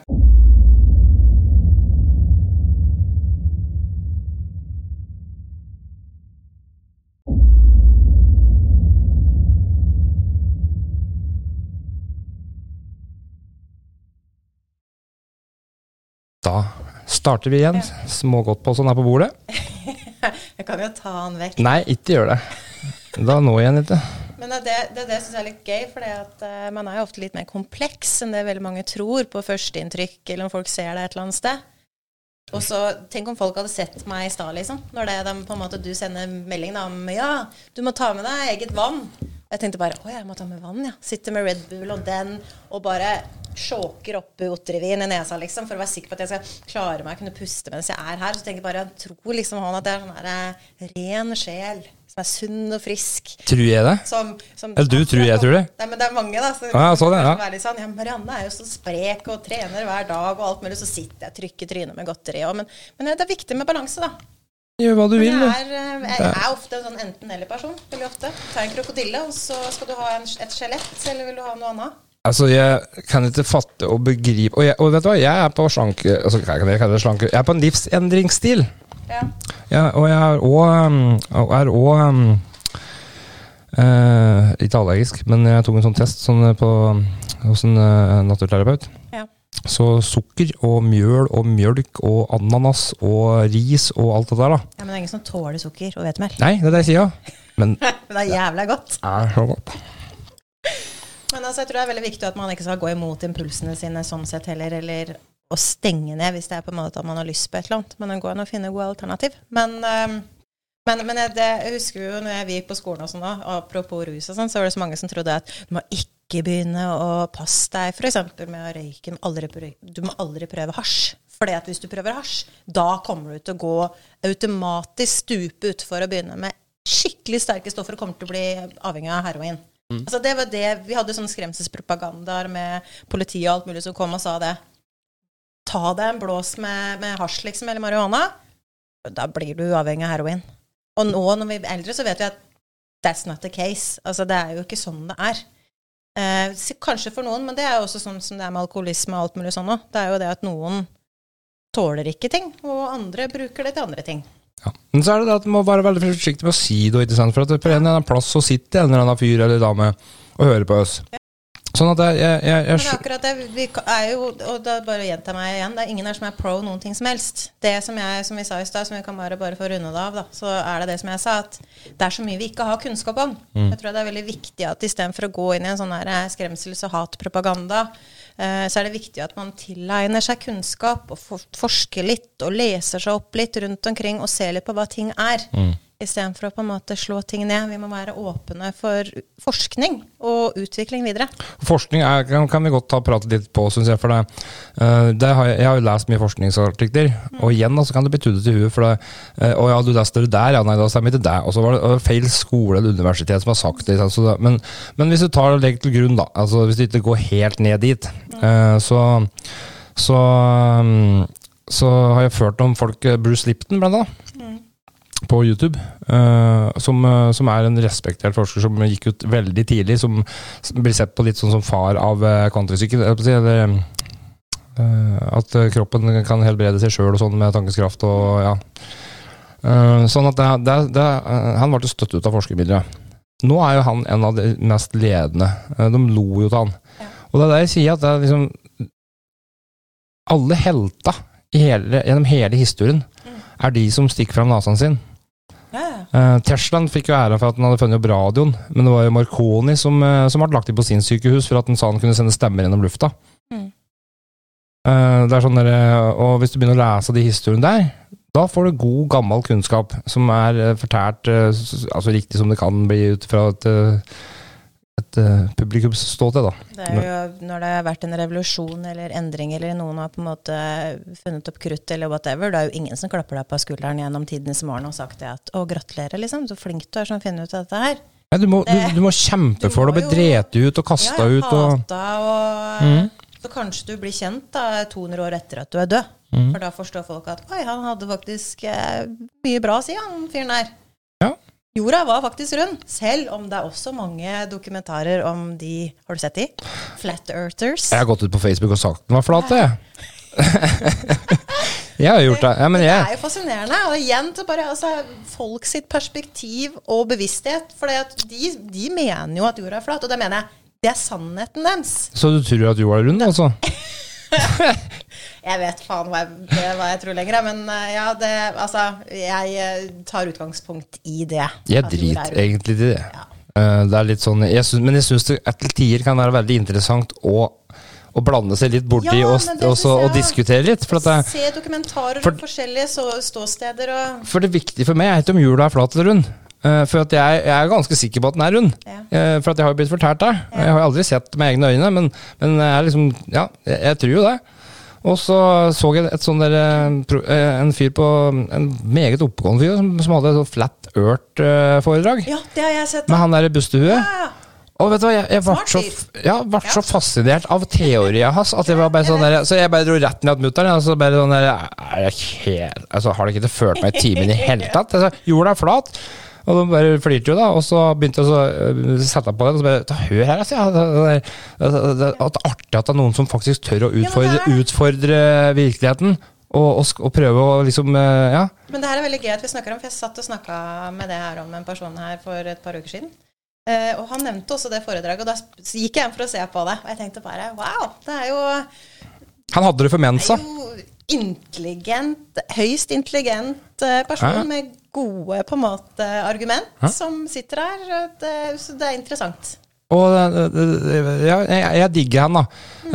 Jeg vet, jeg vet ikke om jeg altså, jeg, det, er, det er som jeg sier, jeg driter egentlig i hvem som har rett, og alt det der, men, men det, er sånn, det er litt artig å se at når folk går imot NASA og, og, og det er en, fra, så en som prater sånn dialekt fra en plass, som, som eh, har en, faktisk et tre timer langt foredrag om det. Vi skal legge ut linken til deg og foredraget. Flat jord-foredraget. Eh, åtte måter å vise venner på. Eller hva et eller annet sånn derre ja. Men uansett, da, om det er altså, flatt eller rundt eller Jeg jobber jo da ut ifra mitt, eh, min sannhet, og min sannhet ut ifra hva jeg har lært, er jo da at jorda er rund. Ikke sant? ja, jeg òg. Eh, men det som er, da, at jorda er rund nå, makes no fucking sense. Altså, det er så mange som er sånn her med at ja, vi lever på en jordklode, da, en vannplanet, Tellus, i et solsystem med andre planeter, som surrer rundt i et verdensrom. Og så er det sånn her som mange som stiller spørsmålstegn med da bare Hvordan ble verden til, da? Snurrer verden rundt, eller snurrer universet rundt, eller hva var det som snurra? vi, vi snurrer rundt i verdensrommet, ikke sant? Og så er det Ja, sånn gjør vi det? ja, eller hvis det er sånn som vi har lært, da. Og da er det sånn Makes no sense. Eh, Så sa han hadde en sånn god konklusjon. For det, ja, gi- han, han i Mensa sa det. Gi meg én god grunn da, sa han, for at det, eh, jorda er flat. Ja. Da bøyde han seg fram sånn. Vann er vannrett. Ja. Hvis du tar et laser og så sikter bortover, og skyter det så langt som er, langs Mjøsa, så, så, så vil ikke laser eh, altså Hvis du setter den på Minnesund, og du kunne gjort det oppover isen, så hadde ikke laserstrålen kommet fram. For at det, hvis jorda er så rund, sa han, Mm. Så vil krumningen tilsi en prosent. Da hadde regna ut alt. Ja, det hadde den helt sikkert Ja, men så da var det noen andre da, som, som sa at ja, men det har vært lagt ut noe som sa, det stemte ikke, det. da. Ja, ja. Og så, nei, Det vil ja, ikke og, sant? og, og, sånn, ja, og jeg kaller jo ikke han for en imbisil idiot for at han mener det, sa han. Det er sånn der, eh, jeg sier jo heller ikke at jeg har rett. Nei. Jeg sier bare er, kan vi snakke om det her liksom Men, men det er på en måte viktig at man kan snakke om det, for at eh, til syvende og sist eh, hva skal, hva skal, Man skal gå tilbake, da. Jo mange år er det? Fem eh, billion år? hvor gammel jorda er. Ja, fem billion år. Da var kanskje ikke jorda her, da. Men da var du det jo på en måte Hva sier de da? Jo, det var støv og steiner som da på en måte skapte en tyngdekraft som på en måte samla seg sa- sammen. ikke sant? Og så ble det på en måte da etter hvert jorda, og så utvikla seg det videre og videre. Og da var det på en måte bare sol. Men så er det sånn ja, hva, Hvor kommer sola fra? da? Hvor er alt det andre fra? da? Så sitter på en måte ateister og ene med det andre bare ja, skal liksom dele det opp i alle slags type biologiske og rasjonelle på en måte forklaringer. Men det er jo ingenting som er rasjonelt med noen ting, egentlig. Hvis man på en måte skal trekke det så langt ut. Så i hvert fall, viktigste for meg er at vi sitter her nå da, du og jeg. Det viktigste for meg, og for andre som jeg jobber med, er å kunne skape et så behagelig og godt og spennende liv som mulig. Her og nå. Og jeg tror at med en gang vi prøver å leter og leter og leter og leter etter et eller annet forklaring eller en type sannhet, så driver vi med en sånn konstant virkelighetsflukt. Ja. Istedenfor at det, her jeg er akkurat her og nå, det er bare å være uten å finne en formel eller oppskrift eller fasit eller finne et eller annet, finne noe. At jeg kan få lov til å bare være her jeg er. Ikke å gjøre noe, men å bare være. Ja, og, og for meg så har det å leve i nuet Ja. eh, Det har, det har barka seg helt ned til timen. Og minuttet. Og sekundet. Mm. Og, og det er så rart. For jeg hadde ingen framtid før. Og, og nå har jeg Det er sånn der, hva du føler akkurat her og nå, eh, og åssen jeg føler meg altså det, det er så viktig for meg. er det. Men um, jeg, jeg spurte om det var noen spørsmål på TikTok da, før vi gikk på her, om det var noen som hadde noen spørsmål til oss. Å ja. Jeg fikk, det var jo litt kort tid, da, for at jeg, jeg er jo helt bob på TikTok. Var det noe morsomt? Morsomme spørsmål? Nei, nei jeg, har, jeg har ikke sett om jeg har fått noe, for nå, nå står jo telefonen der på opptak. Men, eh, men det, det ble spurt om litt ting eh, som ikke hadde med Når jeg la ut et innlegg om, eh, om det jeg hadde opplevd på Høstbyr, Ja. så var det et, blant annet en mann som sa at eh, fy søren så tøff du er som tør å, å, å sende dette her. Sånn? Altså Å legge ut dette her. At det, det, det er så tøft gjort, det er så kult. Eh, og, og dette her, her trengtes, liksom. Og så er det andre som bare sånn der, ja, jeg tror det finnes mer med himmel jord. Og så var det han der som trodde jeg ble kaffeinsopp. Og så, og det, er liksom sånn, men det var sånn der, ja. Og det, og det, Stakkars fleinsopp for skylda. ja, nei, men, det er sånn, eh, men uansett, da. Det, men men jeg, jeg, det, det, det er bra, da, at du får denne variasjonen. Um, og uh, nå, nå visste jeg helt hva jeg skulle Jo, men eh, det var litt sånn eh, mm, Det var noen spørsmål og sånn der, men da tenker jeg at uh, vi kan jo ta en sånn follow-up. Um, for at eh, vi hadde litt tekniske problemer her i dag. Så det ble jo bare ett kamera i stedet for to, og så må vi bruke litt telefon. Og så, ja. så vi må, må, må klippe og lime litt her. Kanskje vi får se, da. Um, men, um, men uansett så Jeg tror vi har fått dekt en del ting i dag. Uh, jeg tror folk òg skjønner at uh, vi sitter ikke her og prøver å være noe vi ikke er. Nei, og så er det ingen av oss som er bedre enn noen andre.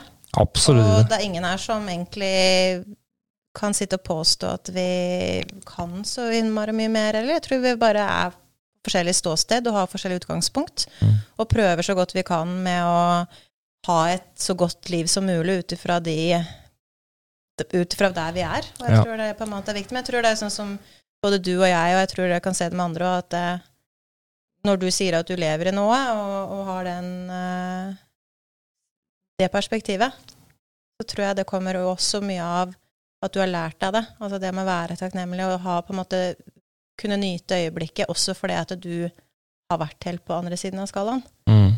Uh, og igjen så er det ofte sånne store ting som må skje før at man kanskje kommer til den takknemligheten. Jeg kan ofte høre at eh, i situasjoner at jeg er ekstremt entusiastisk, og noen kan si det at av og til så er det som å ha med seg et lite barn. Så det kan være et blad, eller det kan være om jeg ser et dyr, og vi går opp på fjell, og jeg bare Wow, fjell! Så bare Du bor rundt fjellet hele tiden. Eller hver gang jeg ser en soloppgang eller solnedgang eller en måned, så er det som jeg gjør det for første gang. Jeg kjenner det.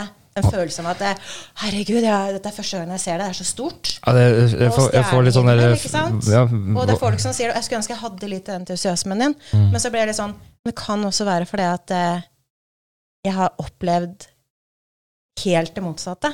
mm. Som gjør at jeg aldri trodde jeg skulle se det mer. Så etter det så blir Altså, det, du får en sånn euforisk stor entusiasme Mm. i deg når du får mulighet. Da. Jeg tror at eh, mange har kanskje Og jeg er veldig glad for at jeg evner det nå. At jeg har den. At det alt blir som første gang når jeg ser noen ting. Ja. Mm. Det, det, det, det, det, jeg blir misunnelig når du sier det. For jeg, sånn der, når jeg ser den soloppgangen, Ja. så bare detter jeg helt inn i meg sjøl. Jeg blir helt stille. Jeg, klar, altså, da, jeg blir entusiastisk innvendig. Ja, Kun men i meg. Ja, ja, men, det, men det kan jeg også bli. Men det er det å kjenne på den følelsen. Ja, men, Nyte det, liksom. ja, men jeg, jeg, men jeg nyter på en annen måte. Mm. Eh, Jeg skulle ønske at jeg var sånn jeg var når jeg gikk på ungdomsskolen og var klassens klovn og bare abdegøya på alt, og alt var bare bra. Men, eh, men eh, det, er ikke, det er ikke meg nå, da.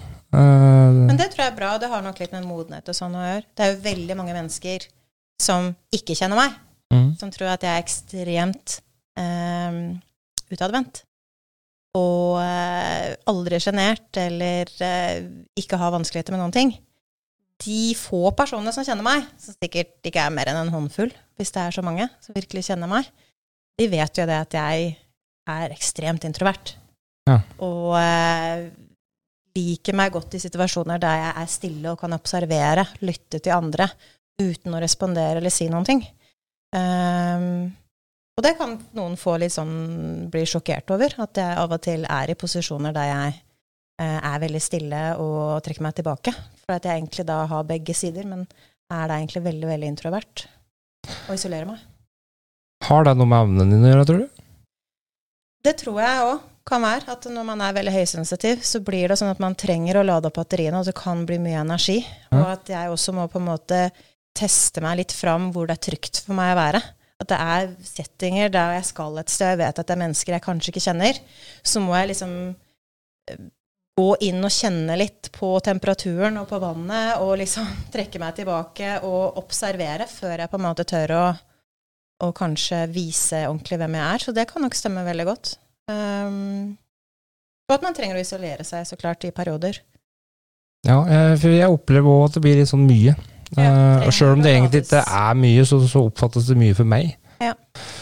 For, eh, for å slå, for liksom å slå en strek over hele det, da, så, så, så har jo jeg opplevd så mye ting nå at jeg skjønner jo at jeg har gått gjennom en prosess hvor jeg har åpna meg på et vis.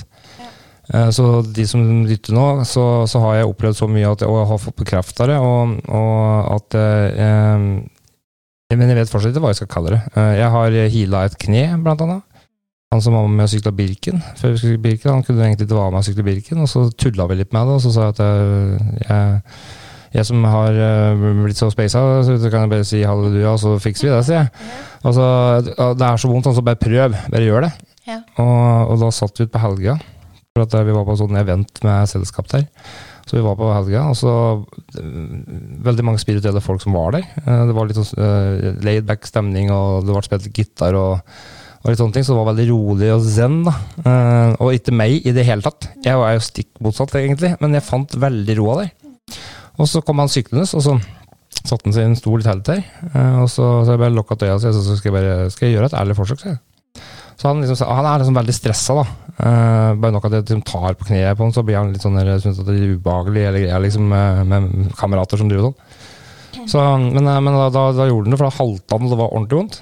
Uh, og så vet han, og så, og så ba jeg opprinnelig om å få hjelp til å til også å, å gjøre han så bra. Og jeg, og jeg sa at jeg, jeg ønsker ikke at den bare skal bli bra til Birken, jeg vil ikke at den skal ha vondt i det hele tatt. Så vær så snill liksom, og, å, å, å gi meg den hjelpa, sånn at han kan få slappe det med kneet. Og, og sånne ting. Og, og så begynner han å løfte beinet fra bakken. Han sitter i en sånn campingplastikkstol. Og så begynner og så, uh, og så Er det vondt, jeg. Og så, nei, nei, sa han, det blir jævla varmt. Ja, men satt han igjen beinet? Ja, men det, det er du som løfter det, sa han. Og så bare, nei, jeg holder jo på sida, sier jeg. Og så bare, da satt han ned. Nei, det var jo du som løfter det, da, sånn. Og så ja, har jeg nøya, da, så jeg, så prøver litt altså, Jeg trodde han tulla med meg. Nå skal han bare kødde med meg, og det svevde, og jeg, liksom, jeg var sikker på at nå skulle han tulle. Men jeg var bestemt på det, og så, og så kjenner jeg at jeg blir iskald i neva. Eh, sånn der, for jeg, jeg blir kald når andre blir varm. Mm. Um, da, og du har så varme hender, så tar de på meg, og du er jo iskald. Ja. Og så, og så kjente jeg ble kald, og da var det sånn der Ok, her skjer det noe. Uh, etter da. Uh, og så sa det inni kneet hans Ah, dette var det, og dette var for noe, nå skjedde det noe, han. Og, så bare, og da ble jeg litt sånn paff sjøl, da. Så sa jeg der, vet du, ser nå var den på plass. Nå kjenner du vil ikke kjenne den noe mer, sa jeg. Og så bare ja, da, ja, ja, det, ja, det er vondt, da. Sånn, da, sånn, ja, men det, det, det, sånn er det alltid, sier jeg. Det, det blir aldri sånn der men bare vent til morgen, du ser, så, så er det i orden. Ja. Um, han har hatt en skade i kneet tar motocross i jeg vet, åtte år. Uh, har ikke hatt vondt i det en dag siden. Ja, Det er utrolig bra. Og så skulle vi ta fikse leggen hans, for han hadde vondt eh, i leggen. Og da eh, en annen gang, da, på et senere tidspunkt. Og så sa han skal vi prøve det her, sa han, liksom, for å sjekke det. Og så følte jeg med en gang nei, den, Så sa jeg nei, den tror jeg kanskje du må ha legen med, sa jeg. Og så sa jeg det uten å tenke. Og så ja, ja, ja, jeg må sikkert det, sa han. Og så sa han ja, men vi kan jo prøve, da, sa jeg. Men da jeg la på da, så visste jeg før jeg begynte at uh, den, den, den her, den får ikke gjort meg. Eh, men jeg prøvde likevel. Men eh, da skjedde det ingenting, og han ble skikkelig stressa. Og, og liksom sånn der, eh, Nei, nå var det, nå var det ikke samme greia, sa han. Altså, nei, så jeg sa jo det, jeg tror den ble til legen med. Så ja, fikk jeg delt litt om det, og så uh, men, uh, men hva jeg skal gjøre med det, det vet jeg ikke. Jeg håper jeg kan bruke det til noe nyttig. Så det, Jeg tenker at det er bare fint, og det er mange som spør og liksom, ja, hvordan gjorde du det, og hva skjedde? jeg vet ikke. Og så blir jeg sånn Men er, har det, er, er det viktig? Og så blir det sånn Har personen det bedre? Lever de et liv nå der de har bedre livskvalitet? Og så sier personen ja. Men hvorfor må du da Må vi gå inn i hva som har skjedd? Det Det viktigste er jo at man er bedre. Det er riktig, Det riktig. syns jeg er kjempeviktig. Det, Men jeg syns det òg er veldig Jeg må si at det er litt kult, da. Jeg må jo si såpass. Når, når, Mikael, når Mikael ringer fra Åndenes makt, Ja. Eh, har vært hjemme hos mora mi. Altså, du, du kan tro mutter'n er kry, kry for at det, Ja, det skjønner jeg. og, og, Men hun sa 'Å, så, så, for en fin fyr!' Og, og liksom, altså, hun var sånn eh, Og så når han sa det, at eh, Jan Aasbjørn har veldig uh, eh, klare evner, han. Ja. Han ser ting uh, veldig klart, og, det, sånn, så, og da så jeg mor liksom Ja. Har han det? han har drevet med mye rart, han gutten her. men, men det å få litt bekreftelse altså ja, for, for at jeg, jeg søker bekreftelse hele Ja. Men det er også en del av den utviklingen og prosessen du er i nå. Så er jo det viktig, som jeg sa, at man får de bekreftelsene. For det vil også gjøre at du stoler mer og mer på din egen intuisjon. Veldig ofte så vil man skape ting i begynnelsen. Jeg gikk jo på jeg gikk jo lære inkasjamanistisk lære i et år. og og eh, var mye i Rondane oppe i fjellet. Var mye ute i naturen. At sånne ting er bra, tror jeg. Og mye sånne Ja. ting. Og, og det jeg tok meg sjøl i begynnelsen, var at jeg stolte ikke på meg sjøl til å begynne med. Jeg stolte ikke på intuisjonen min. For hvis jeg skulle på en måte se på et menneske eller jobbe med noe, så tok jeg ikke det første som kom. Jeg prøvde liksom at, Som et eksempel, ikke at det er nå, men hvis noen spurte om en farge, og jeg fikk opp brun, så kunne jeg liksom da i begynnelsen bare Men det er brun, liksom. Det er jo ingen som har det. Nei, vi sier gul eller lilla. Men, og det var den feilen jeg gjorde i begynnelsen. At, og så var du jo brun, bare som et eksempel. Og da lærte jeg meg til at jeg skal ikke skape noen ting. Jeg skal stole på intuisjonen min og det første som kommer. Og da når jeg så at det stemte, så begynte jeg å stole mer og mer på meg sjøl. Ja. For da var det ikke jeg som skapte noe for at jeg ville at ting skulle se bedre ut eller være på en bestemt måte. Eller ønske det så mye. Ønske det så mye. Da kom det på en måte fra et annet sted. Ja. ja, for det kommer ikke fra meg.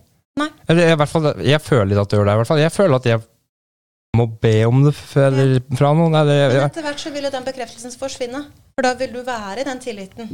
Og når den tilliten kommer på plass, så vil man ikke være så spørrende. Og hvorfor tror du det er sånn da, at det, det kommer ramlende med helt tilfeldig?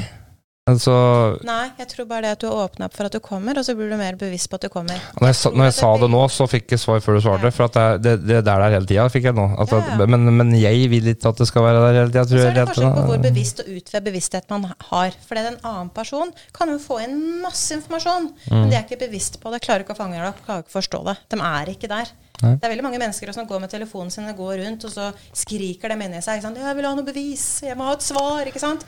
Og utenfor, da, om de hadde tatt og åpna opp blikket litt, så hadde de sett 'Å, der var det en regnbue. Der er det en fullmåne.' Plutselig faller det en ørnefjær ned, ikke sant? og fine steiner som blunker her. Et barn som ler ikke sant, i det fjerne, og som smiler til deg når de går forbi. Alle svar. Eller en sang på, på radioen på bilen ikke sant? som akkurat har den teksten som du lurer på svar. Men likevel sitter de der da og bare 'Jeg får aldri noe svar, og ingen som ser meg. Jeg er helt alene i hele universet'. Og det er så fint at du sier det. Jeg, Så har du de som begynner å legge merke til, og så bare Fy faen, jeg får svaret hele tida!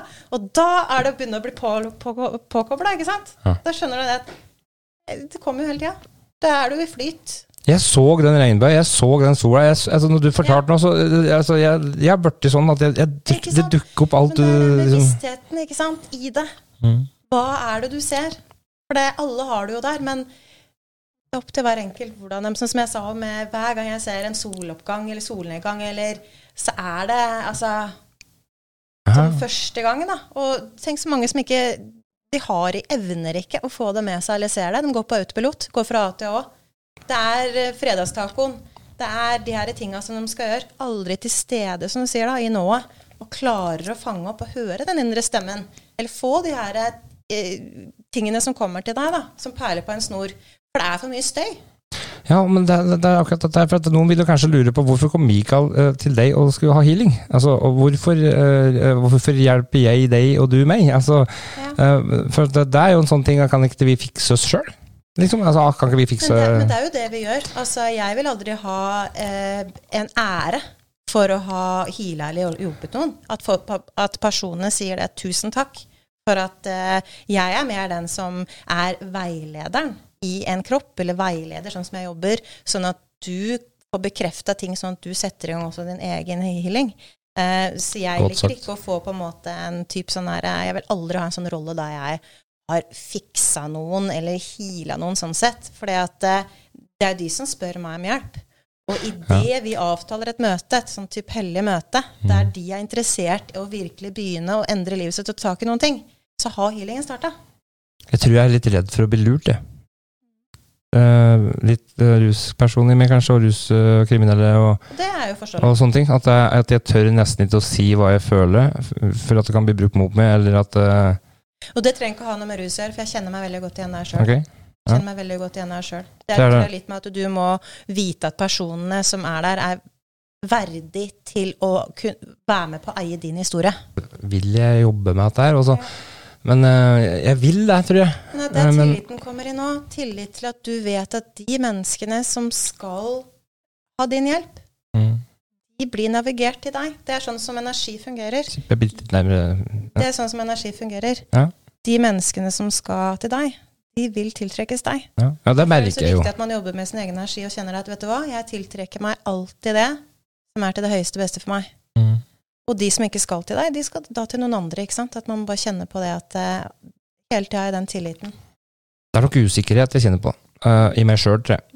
Eh, faktisk, når du sitter og sier det sånn nå, så er det usikkerhet for Når du sitter og sier det sånn nå, så tenker jeg Hva var det jeg gjorde, da? For å, for å bevise det for meg sjøl, Mm. hva dette her var.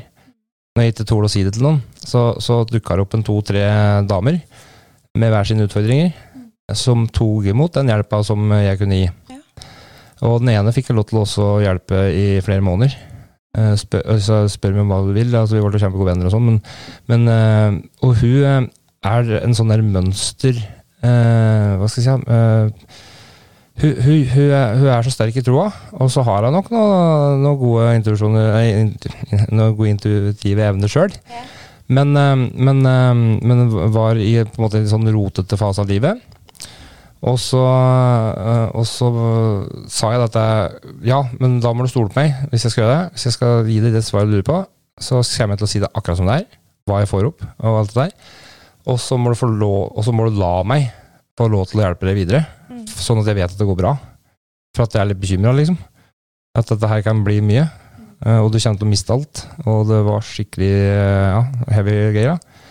Så, så jeg var sånn, jeg følte at jeg måtte følge opp dette greiene her. Liksom. Og, og da fikk jeg testa meg skikkelig, liksom. Og ja, nå fikk jeg en veldig hyggelig beskjed her om dagen. Og at, eh, hun gjorde jo alt hun fikk eh, altså, Hvis jeg fikk en slags følelse på noe og sa det, så var det greit. Hun, hun brukte kanskje en dag eller to på å fundere på det, eller gjøre det, men hun gjorde det. Og, og selv om det føltes så feil, altså det, hun gikk imot sine egne følelser og, og alt som var, og gjorde alt riktig. Mm. Eh, og det siste jeg hørte nå, var eh, at ja, Jeg skal ikke si for mye, men uh, hun har ført drømmen, passionen sin, og bare satt seg på flyet og bare bye bye. Ja, så bra. Ser du. Følte, ja, rett og slett. Sånn, så jeg håper jeg stemmer, da, at jeg, at jeg har gjort det. Men jeg tror det at den usikkerheten og det altså Jeg tror det er veldig viktig uansett når man jobber med andre mennesker, så er det det med å være ydmyk. Og jeg tror mye av den usikkerheten du snakker om, det er egentlig din ydmykhet. At du vil på en måte ikke tråkke noen på tærne. Du vil ikke på en måte gå innenfor noens intimsoner eller gjøre noe som kan være ubehagelig for andre. Og da tror jeg det er der den usikkerheten kommer, som handler egentlig mye om ydmykhet også. Og det at du også på en måte er i en sånn egen prosess der du til stadighet lærer deg til å bli mer glad i deg sjøl, til å stole mer på deg sjøl. Og at du på en måte ofte er bare da din verste fiende. Fordi at du da har på en måte noen troll som gjerne kommer og skal si det at du kanskje ikke er dugende eller er bra nok, eller Altså, det er jo ting som man må Man blir jo aldri ferdig eh, å jobbe. Man vil alltid Det er et valg man tar hver dag. Man blir ikke kvitt troll eller eh, de her eh, tinga som man på en måte må kjempe med. Det er jo et valg man tar hver eneste dag. Mm. Og spesielt da folk som har vært i veldig tunge situasjoner. Eh, men det er som sagt et valg man tar, og det er noe man må jobbe med hver eneste dag. Det ble jo ikke ferdig. Nei, det er, det er, det er godt oppsummert, det. Eh, eh, men, men, eh, men vær modig. Altså, jeg, jeg, det er en av mine styrker. da. Jeg, jeg, har, jo klart, har jo klart å se mine egne styrker og svakheter mye bedre. eh, og jeg kan sikkert si at en av mine styrker er at jeg er ikke redd for å feile. Det er nettopp derfor jeg gjør det så mye. Eh, og det er nettopp det som gjør kanskje at det ser litt corny ut fra utsida òg. For at jeg er litt all over the place. Og så tror jeg det at grensene dine er såpass eh, Hadde jo ingen før. Nei, um, jeg tror det også at eh, i forhold til en ikke en vanlig person, jeg vet ikke en A4 vanlig person, men en person som kanskje ikke har opplevd så mye, har kanskje litt mer sperrer. Ja, det blir litt space, ja. Ja, Ja, så det blir tror jeg også det at eh, sånn som du og jeg, der er vi kanskje i samme båt, at man fort også kan bli litt sånn eh, følelsesmessig avslepa. At det skal være mye som skal til Ja. før du opplever det som en krise eller et drama. Ja, Mens litt- andre kunne vært en bitte liten ting, så skal det ekstremt mye før du tror at, mener at dette er faktisk dette er skikkelig ille. Ja. Ja. Så der blir man kanskje litt skada, da. Mm. Man blir litt eh. Klok av skade. Og det er jo ikke alltid så bra, det heller. Man kan jo sitte der og føle seg av og til som en sånn der, eh, At man kanskje ikke reagerer på ting som man burde reagere på. Ikke sant? Det har vært i mange situasjoner der folk bare Ja, men hvorfor reagerte du ikke på Hvordan klarte du å komme deg gjennom den situasjonen der? Mm. Så var det sånn Ja, men det er fordi at det kunne vært verre. Eller det kunne Og så er det en, en annen person hadde jo ligget på psykiatrisk i et år, ikke sant? Og hadde hatt god grunn til å gjøre det. Ikke sant? Ja, og det, og det var en av de tinga som kom opp i det spørsmålet på TikTok òg. Ja. At eh, når jeg, for jeg, jeg sa jo det på den livesendinga, eller om det var et innlegg, så sa jeg at jeg, uh, vet du hva, jeg bare sier det som det er. jeg. For at jeg, jeg, jeg orker ikke å pynte på det. Eh, Jeg er som jeg er. Eh, Men eh, jeg opplevde det sånn, og jeg følte det sånn, og sånn var det. Vet ikke om det stemte, hva det var. Og så bare babla jeg tur meg. Ja. Og så sier hun eh, liksom, hei, hei, artig å høre på deg. Ja. Uh, Jeg eh, ble også sendt til sjekk av familien min. Når jeg, når jeg, når jeg, jeg måtte rett og slett gå til noen og spørre om jeg var synsk, skrev jeg. For, eh, for at uh, hun, hun ble usikker sjøl. Ja. Uh, og som sagt, jeg ble kjørt ned til nevrolog for at hun trodde jeg var hjerneskada. Så, så det, det er liksom sånn der, men, jeg trodde jo faktisk at jeg var der sjøl, da. Men også er det litt sånn nå, sånn som jeg kan si ut ifra den jeg er, istedenfor å si at jeg er synsk og sånn, jeg liker å si at jeg er høysensitiv, eller Ja. at jeg får inn mye ting.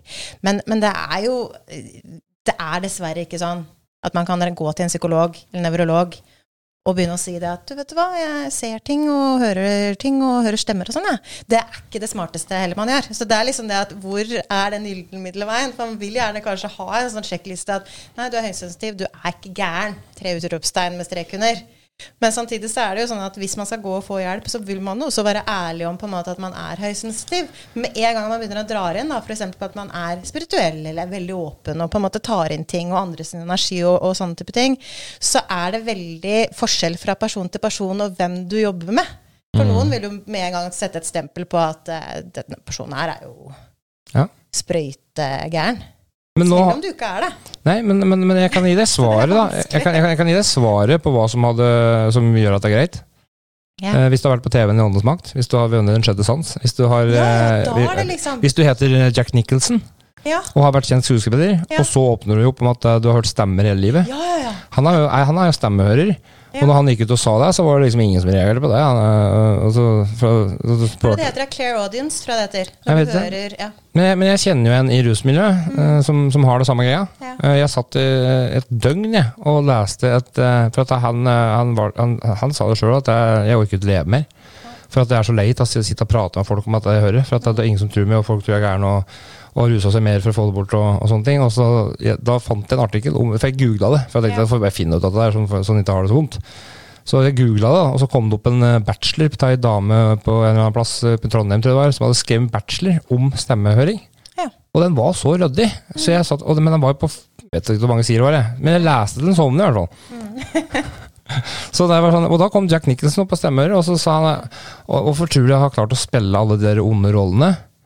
Jeg har hele livet hatt en som har Yes. sittet på skuldra mi, sa han, og sagt Plukk ut øya hans, riv Ja. ut de øya, så bare Plukk ut øya hans, Ja. bare trekk tennene hans med tang og sage den opp i bilen. Altså, han hadde den hele tida, sånn at han sa det Jeg trenger ikke å spille, jeg, sa han.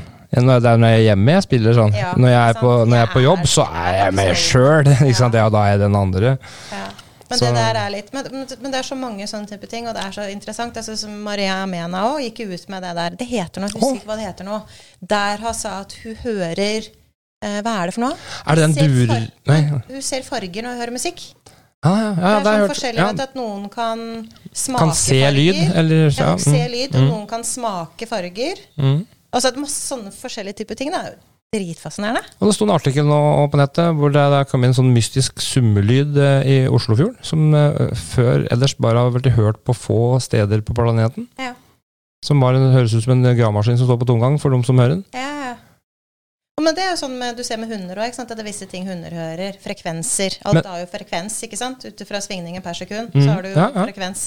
Og da er det jo noen som, sånn som hunder, hører jo visse frekvenser som ikke vi kan høre. Jeg tror det er så enkelt at du, du ble født med en, eh, en, en, en annen bøy i øregangen din, Ja. eller et eller annet sånn fysisk kanskje, som gjør at der treffer den lyden litt annerledes. Uh, også, men eh, jeg har jo hørt den summelyden i 15 år i aktivrus. jeg hørte jo Bidrik på tomgang, og folk prata og sånn når jeg var overvarva. Sånn at jeg, jeg forstår hva de går gjennom, da. Jeg, jeg eh, var jo på Sanderud eh, i helg. Søstera min kjørte jo med dit, men det er en, annen historie. Men i hvert fall så var det så Det var etter knivstikkinga og, og sånne ting at jeg hadde såpass traumer, og, og det at jeg var, inne på Sanderud for at de takla meg ikke lenger. Altså det, de satt våkne om natta og kjørte rundt meg med i bil, og det var helt kaos. Så, men det skal, vi, det skal jeg prate litt mer om en annen gang. Men eh, Men uansett så er det veldig fascinerende, for at hjernen er jo noe som har blitt forska mest på Mm. hos oss mennesker.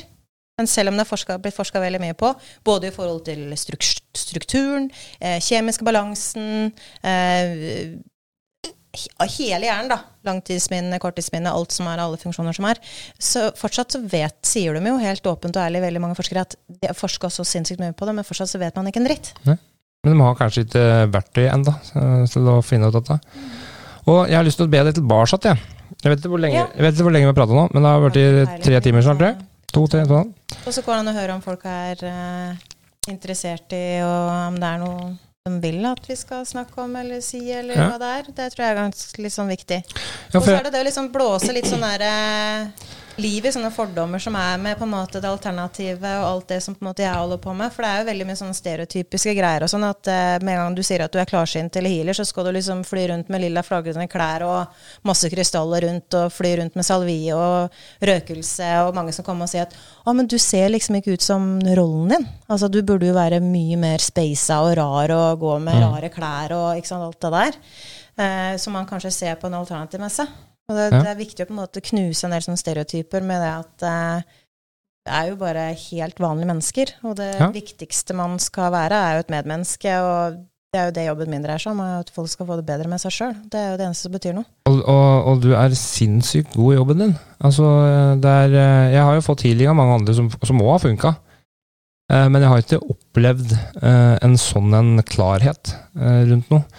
Eh, og, og det er som jeg gjør med deg. Uh, og, og når du eh, sendte healing av meg når jeg hadde så smerter der uh, det, jeg, det, jeg kjente det jo fysisk i kroppen.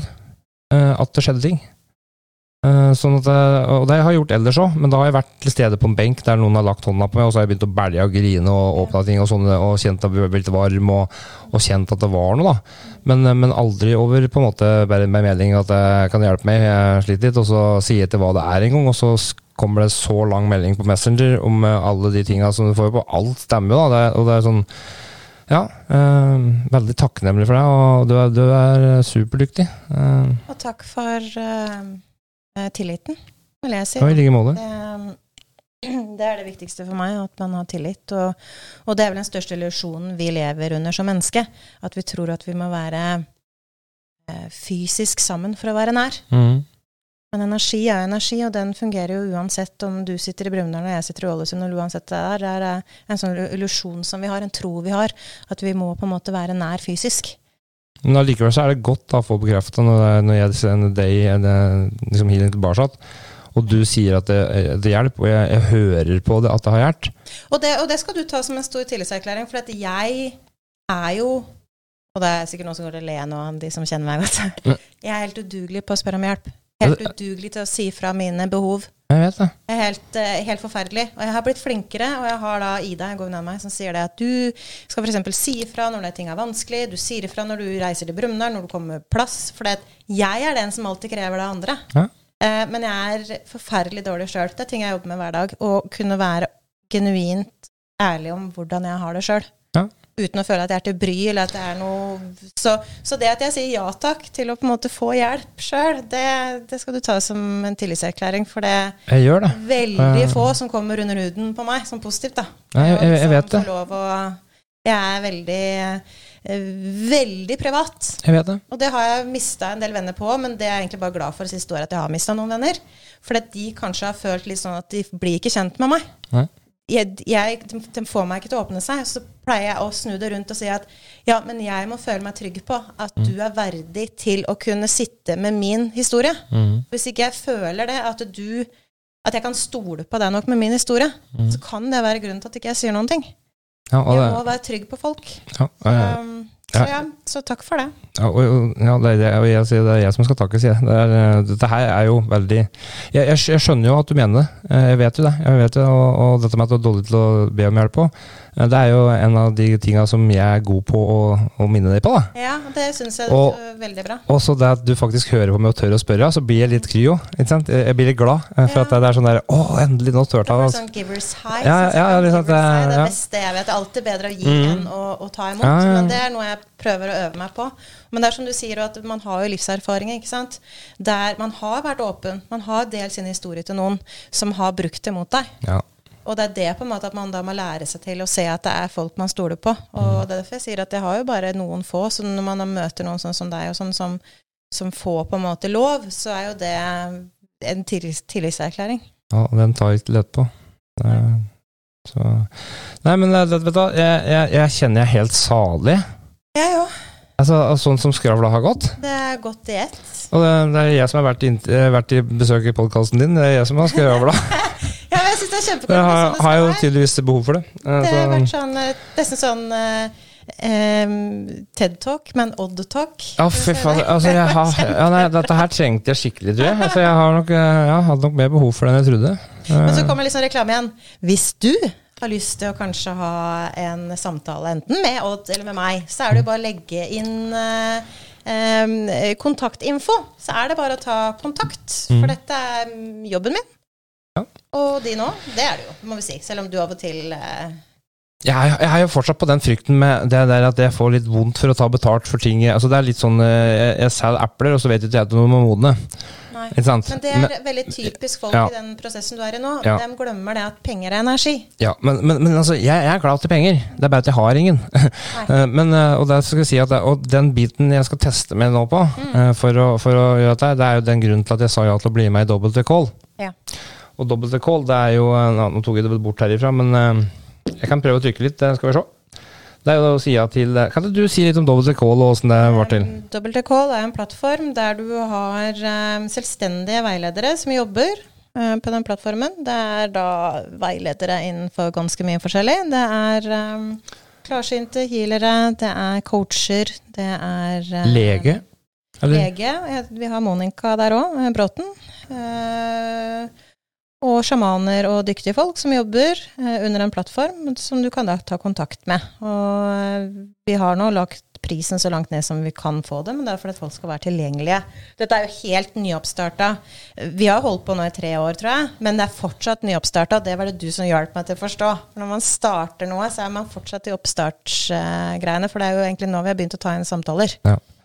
Du blir, du blir så lei ditt eget prosjekt til slutt at, det, at du, du har lyst til å kaste opp. Altså, det er så ille, altså. altså det kan være ja, jeg, samme, Men jeg er veldig stolt. Det er, det er personer som, eh, som er veldig, veldig dyktige. Og håndplukka av deg og Mikael. eh, Yes. Ja. Uh, og ingen der eh, hadde jeg gått god for eller hatt med.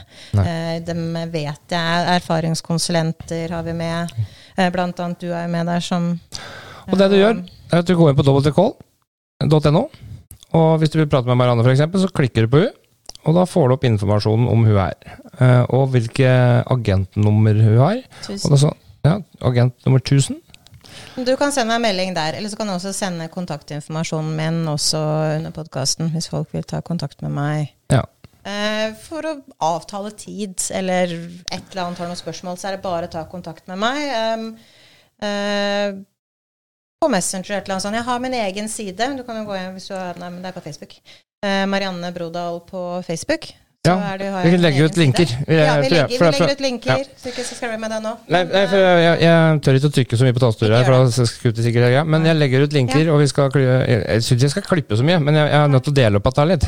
ja, ja. Um, så for at folk kanskje har tålmodighet til å sitte så lenge som vi gjorde, kanskje. Men det var veldig gøy. Ja, Og så får folk se at vi er bare vanlige, rare folk, vil jeg si. og så håper jeg du vil komme igjen en tur der, eh, der jeg har halskattar, eller eh, eh, altså at, det er et eller annet som gjør at jeg holder kjeft. For at det, dette, her var, dette her var flaut, faktisk. For at eh, ja, men jo, jeg syns det, for at du ja, men det, det Men det blir fort Men vet du, det, Det er ikke så ofte jeg prater med folk som Nei, jeg er prater så lett litt med sånn- som det. Ja. Men det er ofte litt sånn det er med meg òg, at jeg kan sitte med folk jeg ikke kjenner òg. Plutselig begynner folk å prate. Ja, sånn er det med jo, at Eh, andre eh, folk prater med meg. Men du er jo den personen for meg da, som jeg på en måte Ja. babler til, som jeg, kan, som jeg vet jeg kan bable til. Så det blir litt sånn Ja, der, men jeg syns det var helt supert, jeg. Men, eh, og, Og til deg, som er det der jeg ser der, jeg vet du, jeg skal snakke til folka, liksom. Det er det kameraet Ja. der, du ser det sjøl. Hvis du nå kom inn på podkasten her, og det eneste du hørte var fleinsopp og plukking av flein, så må du enten skru tilbake Og Gud, Ja. Vær så snill. Og, at- og at jorda er flat. Og at jorda er flat. Ja. Hør hele podkasten, er du Ja, snill, snill. for da har du mista litt av innholdet. Hvis du da Ja. bare hører det, og begynner å skrive i uh, kommentarfeltet at det har klikka helt for de to der i Brumunddal. Ja. Nei, men er Selv om det har gjort det litt òg. Men ja. Hør alt. Vi er godgærne, da, i, i verste fall. Det- ja. Ja. ja. Nei, men da, Ja, men da er sier vi det. Greit. Nei, men eh, tusen takk for praten. Vi legger ut linker, vi skal legge ut tekst og prøve å gjøre det så ryddig som mulig. Ja. Og så har jeg veldig lyst til å prate mer med deg. Mikael har jo sagt ja til å komme, han òg. Ja. Eh, skal forklare litt om historia vi møtte og sånne ting. Hvis han får sjansen til å prate. Han er jo enda stillere enn deg òg, så da Nei, men altså, han eh, prater masse, han, hvis han eh, putter på han en femkroning, og han er kjempeflink. Ja, ja, ja. ja. Jeg anbefaler jeg, altså jeg er veldig sånn med folk jeg er glad i, at jeg blir så stadig sånn her positivt overraska over folk. Altså, jeg blir så glad når de er flinke, da. Det, ja. jeg blir så glad når andre gjør det bra. Ja, Sånn er det. Og når det jeg var hos seminar med Mikael på Gardermoen i sommer, og han skal snakke, så blir jeg så stolt, og så blir jeg så gira, for jeg tenkte bare Fy faen, så flink han er! Ja, det er det. Og det, altså jeg, Når folk jeg er glad i, gjør det bra, så blir jeg så glad. Men det er, det er begge to. Eh, Du fikk jo meg til å hyle og hvese og skrike under en meditasjon blant 40 andre. Eh, Og, jeg, og jeg, var det, jeg var den som prøvde å gjøre det høy, høyest, for jeg skulle virkelig være gjøre det. Sånn at det, du har jo en, eh, Ja, dere er flinke begge to. Dere får jo, dere får jo fram det som vi trenger, på en måte. Altså. Og, og så vi skal avslutte, og Det som også jeg synes er kjempekoselig, som folk skal på en måte ta med seg, er at sånn er det med, en av de beste tingene jeg vet med folk òg, det er framsnakking. Det syns jeg vi skal bli flinkere til. Ja. At vi kan sitte her nå og snakke på en måte varmt om andre folk som ikke er til stede. Elsker det hvis jeg er et sted og jeg snakker med folk som jeg kanskje ikke kjenner heller, som enten står og har en sånn entusiasme og glød og snakker om, en, om det er dama si eller mannen sin eller unga sine eller jobben altså no, Snakker om noen som ikke er til stede. Og bare sånn Å, digger den personen. Sånn framsnakking. Jeg elsker det. Det må vi bli flinkere til. Så da avslutter vi med det. Ja. Framsnakking er bra. Ja. Og så tar vi del to eh, når det passer. Det gjør vi. Takk for i dag. Takk for i dag.